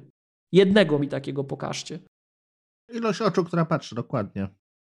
Bo ja, ja byłem deweloperem Linuxowym, ja organizowałem Linuxowe konferencje, ja miałem na swojej sali konferencji, którą organizowałem, największych deweloperów na świecie Linuxowych i ja wiem, jak ten proces wygląda. Pokażcie mi tych ludzi, którzy naprawdę ten kod czytają. Nikt nie czyta. Wszyscy zakładają, że ktoś to czyta. Nikt nie czyta, nikt nie ma na to czasu, jak się tym nie zajmuje. Więc tam jest iluzja bezpieczeństwa na wielu platformach, na innych z charakteru tego środowiska, tak jak to funkcjonuje, no nie jest tak bezpiecznie. Model nie jest po prostu taki bezpieczny, bo jest bardziej otwarty w cudzysłowie, tak? Więc teraz, czy przy niedoskonałościach, jakie istnieją, czy ja jako użytkownik, nie jako deweloper, nie jako trener, ja nie jestem pracownikiem Apple, żeby było jasne, jako trener certyfikowany przez Apple'a, ja pracuję dla innej firmy, ja prowadzę szkolenia, ja nie jestem pracownikiem Apple'a, ale fakt, mogę być związany pewnymi umowami, które mogą mnie trochę ograniczać czasem, tak? Ale odkładam to zupełnie na bok, zupełnie prywatnie, bez żadnego filtra. Czy jako, ja jako Miłosz Staszewski, czy ja uważam, że to jest najbezpieczniejsza platforma na świecie i w historii ludzkości, odkąd internet jest powszechny? Tak. Nie, nie znam żadnej innej platformy, gdzie dałbym dziewięcioletniemu dziecku to urządzenie i powiedział: weź pobierz apkę, będąc pewnym, że ta apka mu nie przejmie urządzenia, nie będzie go nagrywać, inwigilować, nie wiadomo co mu robić. Nie ma żadnej innej takiej platformy na świecie, żadnej. I teraz, żeby jeszcze raz, żeby dziewięciolatek mógł sobie bezpiecznie kupić tą apkę, jeszcze dodajmy za 5 zł, bo tu się płaci tyle kasy za 5 zł, tak? Nie ma takiej platformy. Czy jest to doskonałe? Nie jest. Czy są przypadki, które nie są doskonałe, ale Apple ostatnio miało taką notkę prasową, gdzie podało wolumen. Ile transakcji jest obsługiwanych przez Apple, ile fraudów, ile przekrętów oni rozpoznają. To jest wolumen niewyobrażalny. Więc się. to wyciąganie pojedynczych przypadków, szczerze, to jest. Nie, nie, nie się, Remek. Ja wiem, że to jest w naszym środowisku, wszyscy się podniecają, tak? Więc my się wpisujemy w jakąś tendencję, ale ja bardzo często, jak to widzę, to uważam, że jest to intelektualnie nieuczciwie. Nieuczciwe, bo to skala tego to nawet nie są promile. To są jakieś tysięczne promili przypadków. Więc bardzo mocno tu trzymam stronę Kuby, że zakładanie, że mi Apple utrąci łeb, jak ja mam pomysł na milion dolarów, to, to jest w ogóle, to, to nie jest problem, którym się, który ci powinien przez ułamek sekundy przez głowę przejść, jeżeli nie naruszasz API systemowych albo czyichś praw. Tutaj te API systemowe są kluczowe, bo czasem chcesz coś zrobić, że ty wiesz, że Apple ci tego nie pozwoli zrobić, bo mówiliśmy bezpieczeństwo, ale fajnie by było, może się uda. No nie uda się. Wiesz co, czasem nie zawsze jest to, nie zawsze jest to bezpieczeństwo, Miłoszu. Y, generalnie w 99 przypadkach y, masz rację. Czasami jest to, nie wiem, chcę zrobić widget, teraz widgety są modne, tak? Od, no. Który ma jakąś dodatkową funkcjonalność. Y, do której, której Apple nie przewidziało, bo ono nie ma zasobów systemowych, tak, żeby tam jakiś kod się uruchamiał, czy coś znajdziesz jakiegoś haka, który teoretycznie nie przekracza żadnej granicy. Czasem jest to ta szarość. I tylko, tylko tyle. Tak, ale jeżeli ty, jeżeli ty jesteś świadomym, bo przypuszczam na przykład, mówimy o odświeżaniu właśnie jakichś widgetów na zegarku, o coś, o co wszyscy krzyczą, co się notabene może zmienić, ale mniejsza z tym. Tak. Przecież ty wiesz, ty jako użytkownik to wiesz, i ja wiem, i każdy deweloper świadomy, co się dzieje, wie, że to idzie przeciwko duchowi prawa, mhm. przeciwko tym zasadom, które są stanowione, tak? My wiemy, z czego to wynika, że to nie ma sensu, że ty nagniesz te zasady i Apple nie chce, żebyś, ich nagiął, żebyś je nagiął. Więc no tego się możesz spodziewać. Jest taka ilość rzeczy, które można zrobić, które nawet się nie zbliżą do barier tych, gdzie możemy o Apple'a zahaczyć, to tak trzeba patrzeć. No każdy przedsiębiorca chce mieć zysk, nie? Jeszcze mam jedną rzecz, którą Wam chciałem zadać pytanie, e, no, no. Takie, jak mówimy o tej ewolucji, bo to była jedna rzecz, którą ja chciałem zauważyć, że moim zdaniem, gdybym mhm. ja chciał zarobić milion dolarów na naszych platform, na, na platformach dzisiaj, oczywiście, żebym targetował e, Apple'a, mhm. pewnie później bym targetował webówkę, a na końcu bym myślał o jakimś Android. Jak? Gdybym z moimi mhm. przekonaniami, podejściem do oceny rynkowej e, atakował świat, tak? To jest bardzo sensowne, tak. Natomiast mam inne pytanie do Was, bo tu wcześniej w tej dyskusji Kuba to podkreślał, i tu ja chcę Waszą opinię znać, bo Wy macie zupełnie inne codzienne doświadczenia, że było to spostrzeżenie, że Apple'owe platformy, Apple'owi deweloperzy będą wymierać, bo popularne są webowe rozwiązania. Mhm. I teraz słuchajcie, to jest trochę tak jak z tymi makami. To jest trochę właśnie jak w tym, co, co, co Kuba przywołał też, że wszyscy mówiliśmy, że maka nie będzie, no że ten iOS to go zje. No i zobaczcie, te iOS-owe frameworki działają na Macu, który ma hardware iOS-a. No i co? To jest renesans czy nie? No jest, tylko się forma zmieniła, zasady się zmieniły. I teraz jak spojrzymy na, to, na tych Apple'owych deweloperów, to zobaczcie, są dwie tendencje. Jedna jest taka, że zmienia się charakter Apple'owego dewelopera, to co sami zauważyliście, co robi Omni Group, e, co, robią, co robi Marco, co robią inni. Dzisiaj Apple'owy deweloper to już nie będzie deweloper, który pisze pod AppKit, to jest deweloper, który będzie pisał pod Swift UI, tak? Yy, więc zmienił się charakter tego dewelopera, Mhm. Ale czy tych deweloperów jest więcej, czy mniej niż kiedykolwiek? Bo ich jest przecież znacznie więcej niż kiedykolwiek. Tak. Naszych deweloperów przybywa, przybywa, przybywa, przybywa, a przez to, że Swift jest łatwiejszy niż Objective-C znacząco i Swift UI jest o niebo łatwiejszy niż AppKit czy UIKit, to będzie jeszcze więcej. Każdy będzie mógł napisać apkę. Albo przynajmniej ten próg zostanie znacząco, znacząco, znacząco obniżony. To widać, jak my uczymy deweloperów. Cały czas staramy się, tak, żeby wszyscy mogli zostać programistami, a jednak wszyscy naprawdę na siłę nie chcą zostawać programistami. Nie chcą nimi zostać? Tak, ale, ale ta bariera jest tak. znacząco obniżona i możesz to zrobić jako uczeń szybciej, zrobisz to łatwiej, jeszcze będzie działało na wszystkich platformach. Więc zobaczcie, czy to nie jest trochę pozorne, że to po prostu jest tak, że świat się rozszerzył, że my mamy większe zastosowanie, większej ilości urządzeń, większych, przypa- większej ilości przypadków tej technologii potrzebujemy. Jadę autobusem, potrzebuję technologii, jadę pociągiem, rejestruję się do lekarza, kupuję coś w sklepie, odbieram z paczkomatu, biorę karty, jak, punkty na stacji benzynowej czy w, w jakimś tak, sklepie. tak. Wszędzie, wszędzie, wszędzie to chcę mieć tak? Oglądam transmisję meczu czy coś, wszędzie to chcę mieć. Więc jak gdyby ta technologia wybuchła i nasz rynek rośnie, i nasz rynek rośnie to widać w liczbach. Udział Apple'a rośnie w, we wszystkich urządzeniach w każdej z, kategorii. I w mobilkach udział iPhone'a rośnie, i w e, desktopach drastycznie rośnie udział e, e, Apple'a, plus Apple tworzy nowe tak. kategorie, gdzie konkurencji nie ma. Tak? Więc rośnie tutaj ta ilość. My, deweloperów, jakbyście ich policzyli, mamy więcej niż kiedykolwiek. My zawsze się w K7 śmiejemy, że my jesteśmy, my byliśmy deweloperami jeszcze wtedy, kiedy wszystkich deweloperów Apple'owych można było zamknąć w Moscone Center. Że nie było losowania deweloperów, bo wszyscy deweloperzy zarejestrowani u Apple'a na świecie mogli się tam zmieścić, tak? Więc tych deweloperów mamy dzisiaj, nie wiem, tysiąc razy więcej niż kiedyś. Apple'owych deweloperów, tych, którzy piszą w natywnych, w natywnych frameworkach. E, czy wy nie uważacie, że to jest takie pozorne, że my przechodzimy na te webowe rzeczy? Te webowe rzeczy się pojawiają, ten e, elektron się pojawia, bo po prostu jest więcej rozwiązań. Ale ja mam wrażenie, że ten Apple'owy ekosystem rośnie i się umacnia w czasie.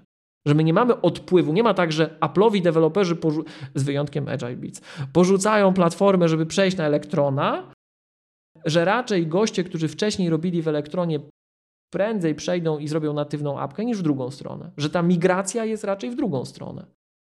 Ja patrzę na to bardziej z perspektywy takiej, że są aplikacje, które w webie są już tak ładnie zrobione, że wręcz brakuje tego, żeby one były natywnie na Macu, bo one jakby powstają w webie w takiej filozofii jakości, jaką my znamy z poprzednich lat, kiedy robiło się aplikacje natywne.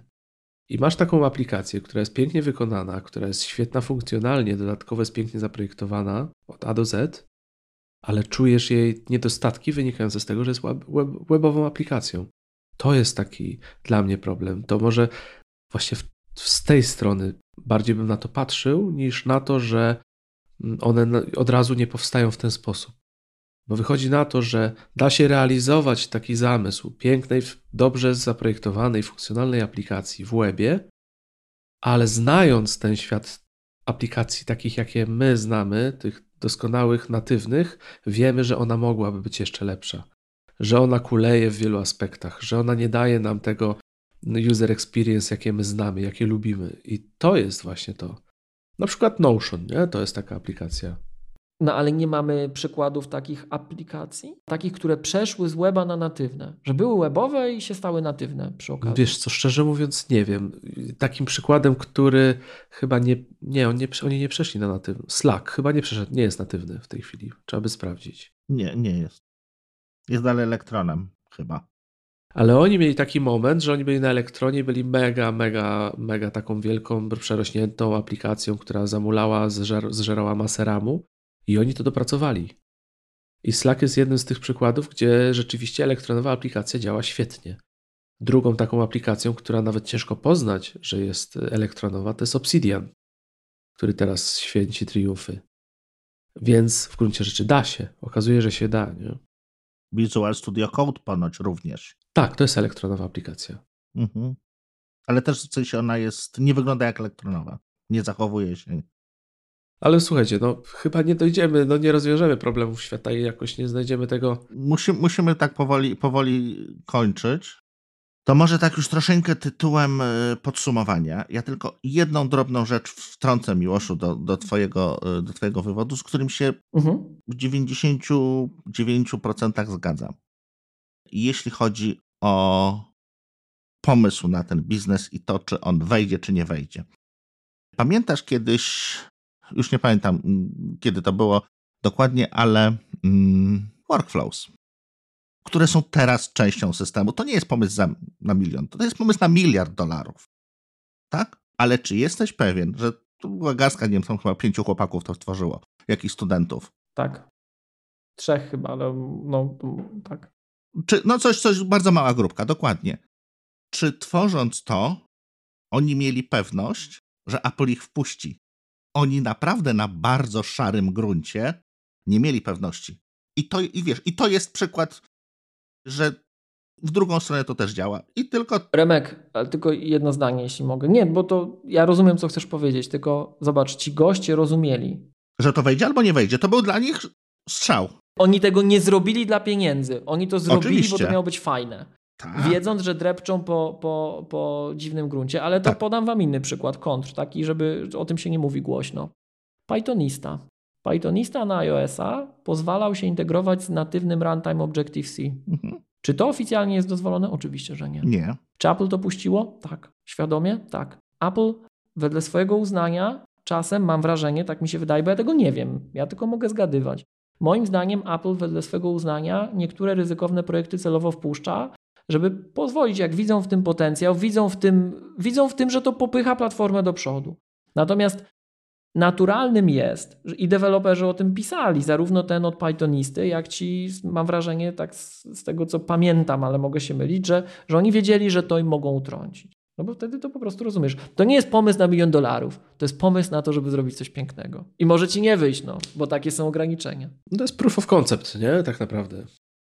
No, też prawda. To powiedzcie może już tak zupełnie na koniec, czego byście się spodziewali od y, systemu? Co w systemie, w macOSie powinno się pojawić, żeby te aplikacje y, powstające na niego dalej no, mogły nas urzekać, dalej były czymś, co, co sprawia nam przyjemność w codziennej pracy? Czy jest takiego coś, takie coś, co Yy, co by mogło się pojawić, żeby, żeby ułatwić życie deweloperów, żeby przyciągnąć ich znowu do tej platformy? Ciężko, ciężko odpowiedzieć, przynajmniej z mojej perspektywy. Wydaje mi się, że bardziej, żeby nic nie zabrać już im, żeby mogli, mogli, tak. Nie psujcie nam, zostawcie nas w spokoju. Wiesz, żeby nie odpychać ich od Swift UI, żeby nie odpychać ich od natywnego pisania, żeby nie szli w stronę tego elektrona na przykład nieszczęsnego, czy takich bardzo, bardzo uniwersalnych rozwiązań. Mhm. Dać im tą swobodę i wygodę, której potrzebują, a wiadomo, że jakieś tam rzeczy muszą się zamykać i jakieś zmiany są potrzebne. Ale co więcej, to nie wiem. Miłosz będzie bardziej wiedział, no bo jednak jest deweloperem, więc to jest inna perspektywa. Może on ma słote marzenie jakieś. Bardzo się cieszę, Kuba, że ty to powiedziałeś, bo jak Remek zadawał to pytanie, to stwierdziłem, że ja nie wiem i wyjdzie, że już naprawdę jestem fanboyem, że tutaj wszystko dobrze, dobrze, już się nie da tego dalej pociągnąć, bo ja nie wiem, co by mogło być, jest ideał po prostu. Ja mam takie powiedzenie. No to wiesz, Miłosz, jest taki, jest taki ten chyba w urzędzie patentowym, ktoś kiedyś zgłosił w XIX czy w którymś wieku, że już wymyślono wszystko, już dalej się nie da nic wymyślać. Tak, tak. To czasami ten brak, y, brak taki jest, y, jest popularny. Ja tutaj trochę będę naginał. Przyznam, że zadałem pytanie, więc dłużej się nad nim y, zastanawiałem. Aha. Więc to, co ewentualnie mogłoby y, pomóc, to jeszcze większa integracja przez makowe mechanizmy synchronizujące pracę pomiędzy właśnie urządzeniami, czyli jeszcze więcej continuity. Okay. To na pewno. Z drugiej strony. Ale wiesz co konkretnie, czy nie? Nie, nie wiem. Nie wiem, nie Bo wiem. intuicyjnie to ja też tak, ale wiesz. ale teraz takiego coś, co by, coś, co według ludzi też mądrzejszych ode mnie jest the next paradigm, czyli jest tą kolejną kolejną wyspą, którą, którą, którą opanujemy, to jest to wszędobylskie AI. Czyli aplikacja powoli będzie nie tylko odpowiadała w jakiś sposób na Twoje potrzeby, y, wyraźne, tylko dostosowywała się do Twojej pracy. Microsoft y, nad tym pracuje. Ale to jest, to jest jedna z tych rzeczy, o których wcześniej mówiliśmy, że to są elementy, o których my, my wiemy, większość ludzi nie wie. Tak jak w iOSie 17 nowa, nowa funkcja autokorekty jest doskonała, po prostu jest doskonała. Mhm. Robi olbrzymią różnicę. Większość osób pewnie nawet nie zauważy tej zmiany, poza tym, że ci, którzy czytają ich wiadomości, będą wiedzieli o co im chodzi częściej. Ale to są takie elementy, właśnie, które oni wprowadzają, które idą z dobrodziejstwem inwentarza, a nie, że deweloper musi tak naprawdę się wykazać wprowadzając, bo tak jak mówił Miłosz, kopiuj wklej między urządzeniami, czy dobra autokorekta. My to dostajemy. Te systemy rosną, rozwijają się i chyba to jest coś, co jest już drugoplanowe, co jakby już nie jest na poziomie dewelopera, a tylko użytkownika i tego, jak tej warstwie pomiędzy użytkownikiem a aplikacją, która gdzieś tam oferuje tą przyjemność użytkowania i cały to workflow. Czyli nie musimy być modni, nie musimy być na czasie, tylko nie popsujcie nam. E, jak chcecie robić coś nowego, to kombinujcie na Vision OS. Jakbyśmy byli być modni, to bym powiedział, że więcej emoji, to wtedy będzie lepiej. o, jest... o, no to, to, to, to, się, to się przyjmie. Chociaż, chociaż to yy, podobno tak jest, że dodają emoji do tych ważniejszych aktualizacji, żeby szybciej się te aktualizacje przyjmowały, bo to mhm. jest główny aspekt, dlaczego, dla którego ludzie instalują te, te aktualizacje. To słuchajcie, ale no to w, ten, w tę stronę system się rozwija. Mamy te wszystkie właśnie oparte o masz, uczenie maszynowe, rozpoznawanie gestów, które będą efekty, tak. efektami, jak gdyby się kończyły w doświadczeniu użytkownika w tych warstwach. No i to się i na Macu wpisuje, i na iPadzie, i w Vision OS, wszędzie, nie? Ale to widzicie, to we mnie tak na koniec żeście z rzędu obudzili, bo mi przychodzą do głowy takie dwa powiedzonka. Pierwsze powiedzenie Nareszcie. Johna Syracuse'y, po prostu więcej wszystkiego. Więcej rdzeni, więcej ramu, więcej wszystkiego, więcej. To to, to chcę. E, a drugie to takie moje powiedzenie. Sta, Clarkson Power! Stare, już dawno go nie, nie, nie wyciągałem na światło dzienne. Ja się czuję zakładnikiem Apple'a. Jak oni to zepsują, to ja nie wiem, czym ja się zajmę. No przecież nie przejdę na Windowsa czy na Linuxa. Tak? No naprawdę, no, będę musiał z branżę zmienić. No. Jeszcze jedno mi przyszło do głowy teraz, chłopaki. Czy to może zadziałać również w tą stronę? Czy myślicie, że będzie jakieś sprzężenie zwrotne, jeżeli chodzi o Vision OS? Czyli aplikacje, które powiedzmy powstawały z myślą o Vision OS, y, będą również przenoszone natywnie na Maca, czy raczej, raczej niekoniecznie? Te powstające z Vision, na Vision OS? Na Vision OS, bo tak, to jest, tak. jednak jest zupełnie inna warstwa pracy wizualnie. Mhm. Mówię o takich stricte, nie? Jeżeli ktoś coś wymyśli na Vision OS. Tak, oczywiście. Chociaż z drugiej strony mo może to Vision OS pozwoli otworzyć jakąś tam furtkę, na którą nikt nie wcześniej nie wpadł i da się to przenieść, ale jednak tam już tego ekranu nie będzie, to jednak jest wirtualny świat. To jest zupełnie coś innego. Ja jestem mega ciekaw tego, co z tego wyniknie, ale to, to już niedługo się dowiemy. Tak, jak rozumiemy, jak rozumiem, bo chodzi o paradygmat, tak? tak Czy coś, tak, co tak, tak. powstało jako pomysł y, na Vision OS, że to wróci na Maca. Mhm. A słuchajcie, jak Mac przestanie być fizycznie Maciem za jakiś czas. Bo technicznie nie ma przeciwwskazań, coraz mniejsze są, żebyśmy za jakiś nie czas iPhone'a podpinali do ekranu i on będzie Maciem. No, ma mieć podobno Thunderbolta za chwilę, więc maszyna wirtualna. Jak to mawia John Syracuse, on the infinite time scale, to przecież jak my to w zegarku włożymy, no to będziesz Maca miał na ręce. Przyjdziesz. Oczywiście będziesz miał go na ręce, wyświetli ci się na ekranie albo w tym Vision OS, no masz swojego Maca ze sobą. To czym jest Mac? Czym jest komputer? Ale to nie będzie Mac. Bo to będzie iOS. To nie będzie ten poziom i te rzeczy, o których rozmawiamy od początku. Ta warstwa, którą mamy dodatkową, na którą nam cały czas pozwalają, że tacy jak my na tym Macu możemy naginać trochę te zasady, możemy robić trochę więcej, możemy się przypiąć gdzieś do czegoś. Tego nie dostaniemy. I to już nie będzie ten nasz Mac. To wydaje mi się, że dopóki będzie Mac jedyną rozsądną, tak przyjmijmy, platformą deweloperską dla wszystkich innych platform Apple, to będziemy, to ta wolność nam zostanie. Jeżeli to się skończy. To jest bardzo ciekawe spostrzeżenie. No ale z drugiej strony to tylko dla nas, nie? To tylko dla nas jest taki Mac, jest Maciem, bo dla 99% to będzie wystarczające. Ja? Tak. I to by było super, szczerze mówiąc. Wziąć, nosić przy sobie telefonik, wziąć go, klawiaturka, ekran, jest stoi, wszystko gotowe na biurku. Wiesz, teraz już będziesz miał mhm. na głowie ten monitorek. Można to już w ogóle. Ale, to, ale nie, to, to jest bardzo ciekawe spostrzeżenie, bo zobaczcie, to, to dwie rzeczy. Po pierwsze, ja dzięki Wam, to już naprawdę, ja już wypiłem ten aplowy Kool-Aid do końca i ja zrozumiałem to pytanie zupełnie inaczej niż Kuba. Bo ja już zacząłem myśleć o tym Macu z przyszłości, że już AppKita nie ma. Mhm. Nie, mhm. że to już no, będzie Swift UI, że już wszystkie narzędzia będą Swift UI. I teraz, jeżeli Apple otworzy toolchain deweloperski w oparciu o nowe frameworki, to będziemy mieli potencjalnie tego natywnego Xcode'a, prawdziwego Xcode'a na iPadzie i się skończy. Tak. I powiem Wam szczerze, i teraz, teraz zeżrę własny ogon w końcu, bo to jest fajna wizja, żebym ja miał wszędzie to samo, żeby to było bezpieczne, oferowało fajny poziom doświadczenia, fajny poziom obsługi, korzystania z tego. Mhm. Super, żeby to się wszystko integrowało. No i że nie będę miał terminala.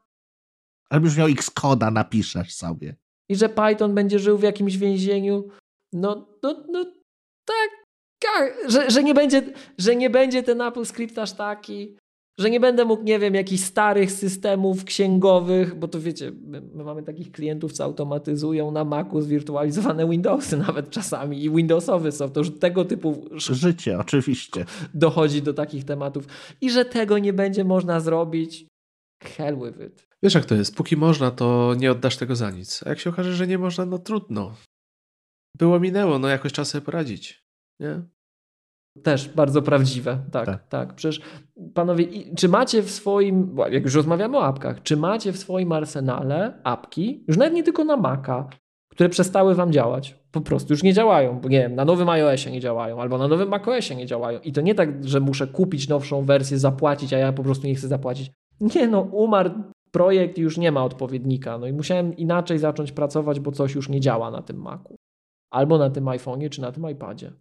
No ale słuchaj, to jest doskonały przykład jest aktualnej akcji z Twitterem, tak? Czy Xem, jak to się mówi. Był tweetbot, wszyscy kochali i wszyscy mówili jedno. Nie ma Twittera bez tweetbota dla wielu osób na iOSie. To, to nie ma. To jest najlepsza aplikacja i tylko tam Twitter tak wygląda. Co się stało? Twitter ubił, tweetbot odpadł, tak? Już go nie ma, jest oficjalnie pochowany przez twórców. Jakoś przeżyli ludzie i korzystają z natywnej aplikacji. Więc tak to jest. No. Zabiorą nam, zakopią, odetną. Co zrobisz? No przecież nie wyrzucisz komputera i nie spalisz go, bo cię obrazili. Po prostu żyjesz dalej. Fajnie, że to się pojawiło. Ja miałem, ja miałem, ja bardzo sobie chwaliłem możliwość nielimitowanego przez deweloperów odpalania aplikacji iOS-owych na Macu.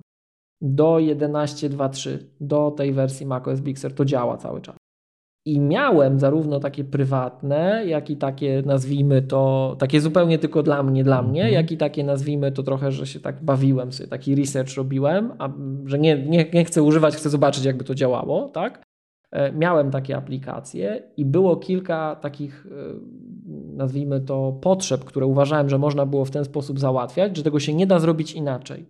No i kombinowałem na różny sposób, jak przywrócić ten stan w cudzysłowie, ale poległem. No jeśli poległem, to musiałem, tak jak Kuba powiedział, zmienić w ogóle, przeformułować często problem. Robić to narzędziami, którymi się da to zrobić. No, oczywiście, że mnie to drażniło jak, jak diabli, bo przecież się dało, technicznie się dało, dlaczego wyłączyliście. Eee, no ale hej, tak jak mówisz, no, trzeba iść do przodu, nie? Trzeba sobie po prostu poradzić. Trzeba przetrwać i się dostosować. Tak, mój prosty przykład. Wirtualizacja Windowsa. Zawsze miałem dysk ze sobą, wirtualizowałem Windowsa, bo tego potrzebowałem. Wydawało mi się, że no najwygodniej, najlepiej tak. Inaczej nie chcę, po prostu. Inaczej się nie da. No i dali M1, no i się skończyło, ale ja się długo trzymałem. Mówię, nie, ja muszę mieć, ja chcę. chcę. Posiedziałem, pracuję teraz trochę na, na Macu z Apple Silicon, bo też z tą przesiadką długo czekałem. Pal licho to wirtualizację, przecież tyle rzeczy dostałem poza tym na plus, że sobie po prostu zorganizowałem to inaczej. Ale przyzwyczajenia najgorzej się zwalcza. No i tyle w temacie. Bo tobie, Kuba, ten armowy Windows nie załatwiał sprawy. To nie jest Windows. Ja nawet nie podchodziłem do niego, szczerze mówiąc. Bo ja jeszcze miałem starsze Windowsy, siódemki, musiałem mieć jakieś takie starsze zabawki, jakieś takie tam pierdół. Yy, ja nie wiem, czy nie jest Windows. Wiesz, to nie wszystkie mechanizmy są takie same. Jeśli, jeśli rzeczywiście po to masz maszynę wirtualną, żeby y, analizować jakiś problem użytkownika, y, no to musisz mieć taką, dokładnie taką, jaką on ma. Tam są inne trochę inna, inne problemy. Ale wiecie, jak to się skończyło, że ja teraz się zastanawiam, dlaczego ja tak chciałem mieć tego Windowsa w tym, tym dysku, jak mogę go mieć gdzieś postawionego i sobie do niego się logować zawsze, wszędzie. No, oczywiście, że tak. I nie zżerać swojej baterii tym, że odpalam wirtualną maszynę, nie? No i tyle. To jest odpowiedź, którą Microsoft chciałby, żebyś podał też przy okazji. No ale powiem wam, bo to też zależy jak patrzymy. Jak patrzymy na support na przykład, to tak, ale ja mam klientów na przykład, którzy wykorzystują konkretne narzędzia Windowsowe, takie nazwijmy to in-house'owe, które mają gdzieś tam lata temu na Windowsa zrobione i one im działają na tym Windowsie armowym. Że ja mhm. tak w pierwszej chwili to się bałem, że nie. I to normalnie działa, nie? Przez tą emulację, którą Windows ma w sobie, Intela. Do pewnego zakresu na pewno można to wykorzystywać, ale, ale okej. Okay. Ja, ja to widzę bardzo punktowo, dlatego byłem ciekaw was, waszych doświadczeń, ale to jest doskonały też przykład, nie? Zależy. Wiesz co, tak patrzyłem na takie aplikacje, które rzeczywiście umarły. Te przeglądałem właśnie, jak wy rozmawialiście, yy, moje licencje. Mhm. Pamiętam, że używałem jakichś aplikacji do łączenia filmów, do yy, korzystające z QuickTime'a yy, Pro jeszcze wtedy. Więc yy, to była pierwsza rzecz, którą pożegnałem. I to, co jeszcze powiedzmy nie osobiście, natomiast znam osoby, które bardzo płakały i chyba nawet to jakoś tam istnieje, ale to już jest taka Rapid Weaver. Na pewno kojarzycie narzędzie do tworzenia stron A, tak. internetowych. Tak, do tworzy- tak. Ono w jakiejś tam wersji istnieje chyba nawet, ale e, no jest to kalekie już teraz, więc tutaj, tutaj coś takiego się jak gdyby znalazło. Ale kojarzysz, Remek, czy to wynikało ze zmian technicznych, czy po prostu sytuacji dewelopera? Y, Rapid Weaver nie, nie, nie, nie, nie. Sytuacji dewelopera. Tam ktoś chyba to kupił, czy to jakaś tam yy, zmiana, powiedzmy, zmiana też biznesowa, no bo to była aplikacja chyba wyszła nowa wersja, która była abonamentowa. Tam jakaś drama też była w związku z tym związana. Nie, już nie pamiętam, nie chcę tutaj wprowadzać słuchaczy w błąd. Przyszła mi jeszcze jedna rzecz do głowy, czy, bo tak mówi, mówiłeś Miłoszu o, o Vision Pro, co prawda tutaj mieliśmy się trzymać macOS, ale trochę, trochę zboczyliśmy. Czy przez to, że mm, nie będziemy mieli trochę, ty mówiłeś, że to będzie taki czysty interfejs, tak, że nowy paradygmat i tak dalej.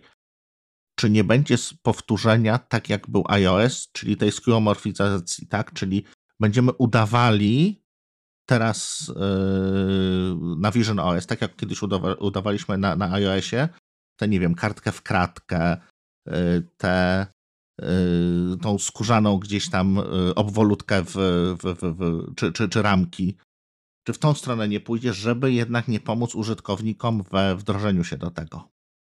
Wiesz, chodzi mi o zmniejszenie bariery.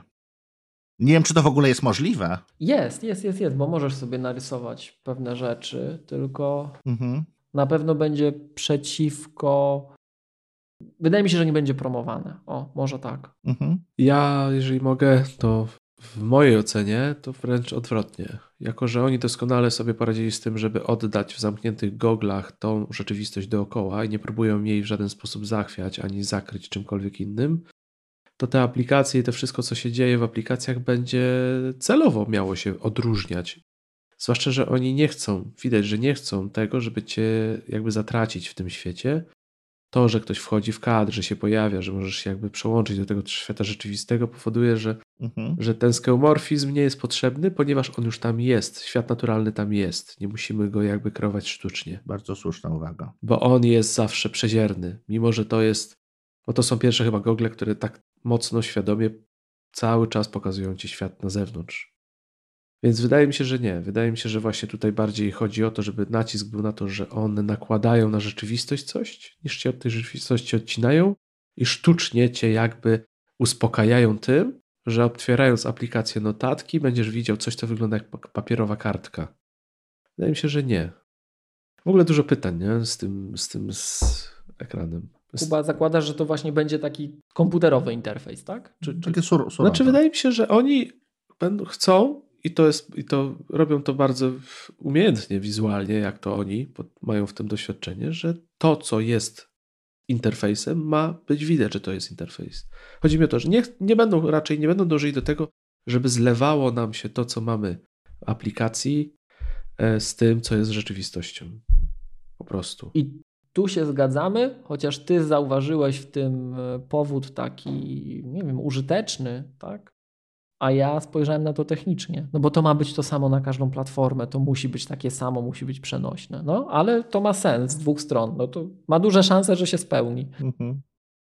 A słuchajcie, to ja wam zadam inne pytanie, na które mnie trochę Remek nakierował, takie, które pójdzie w poprzek tego całego biadolenia. Przy okazji pokażę, że to jednak tak Apple mówi, że ubijają, ale nie ubijają. Mhm. Jaką macie apkę, najstarszą, ale nie w rozumieniu najstarszą, taką, że nie wiem, używacie jej najdłużej bez modyfikacji, ale że jest to apka istnieje, chociaż to też możecie powiedzieć, mhm. ale to jest apka, która istnieje, jest rozwijana od roku X.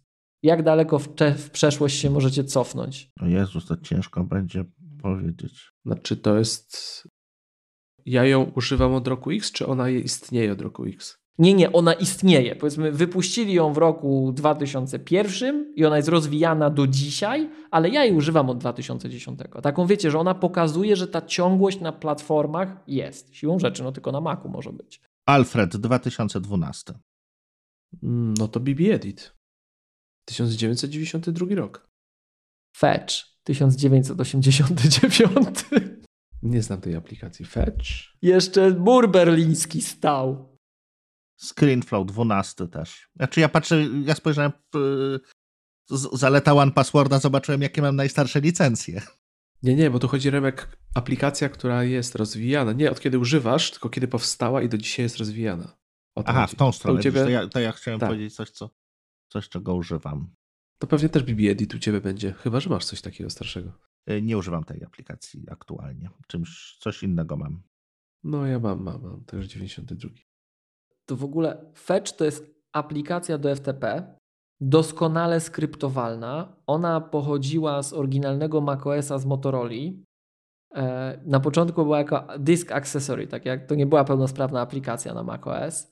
Przeszła przez Motorola klasycznego macOSa, PowerPC macOSa 10, Intela, jest na Apple Silicon.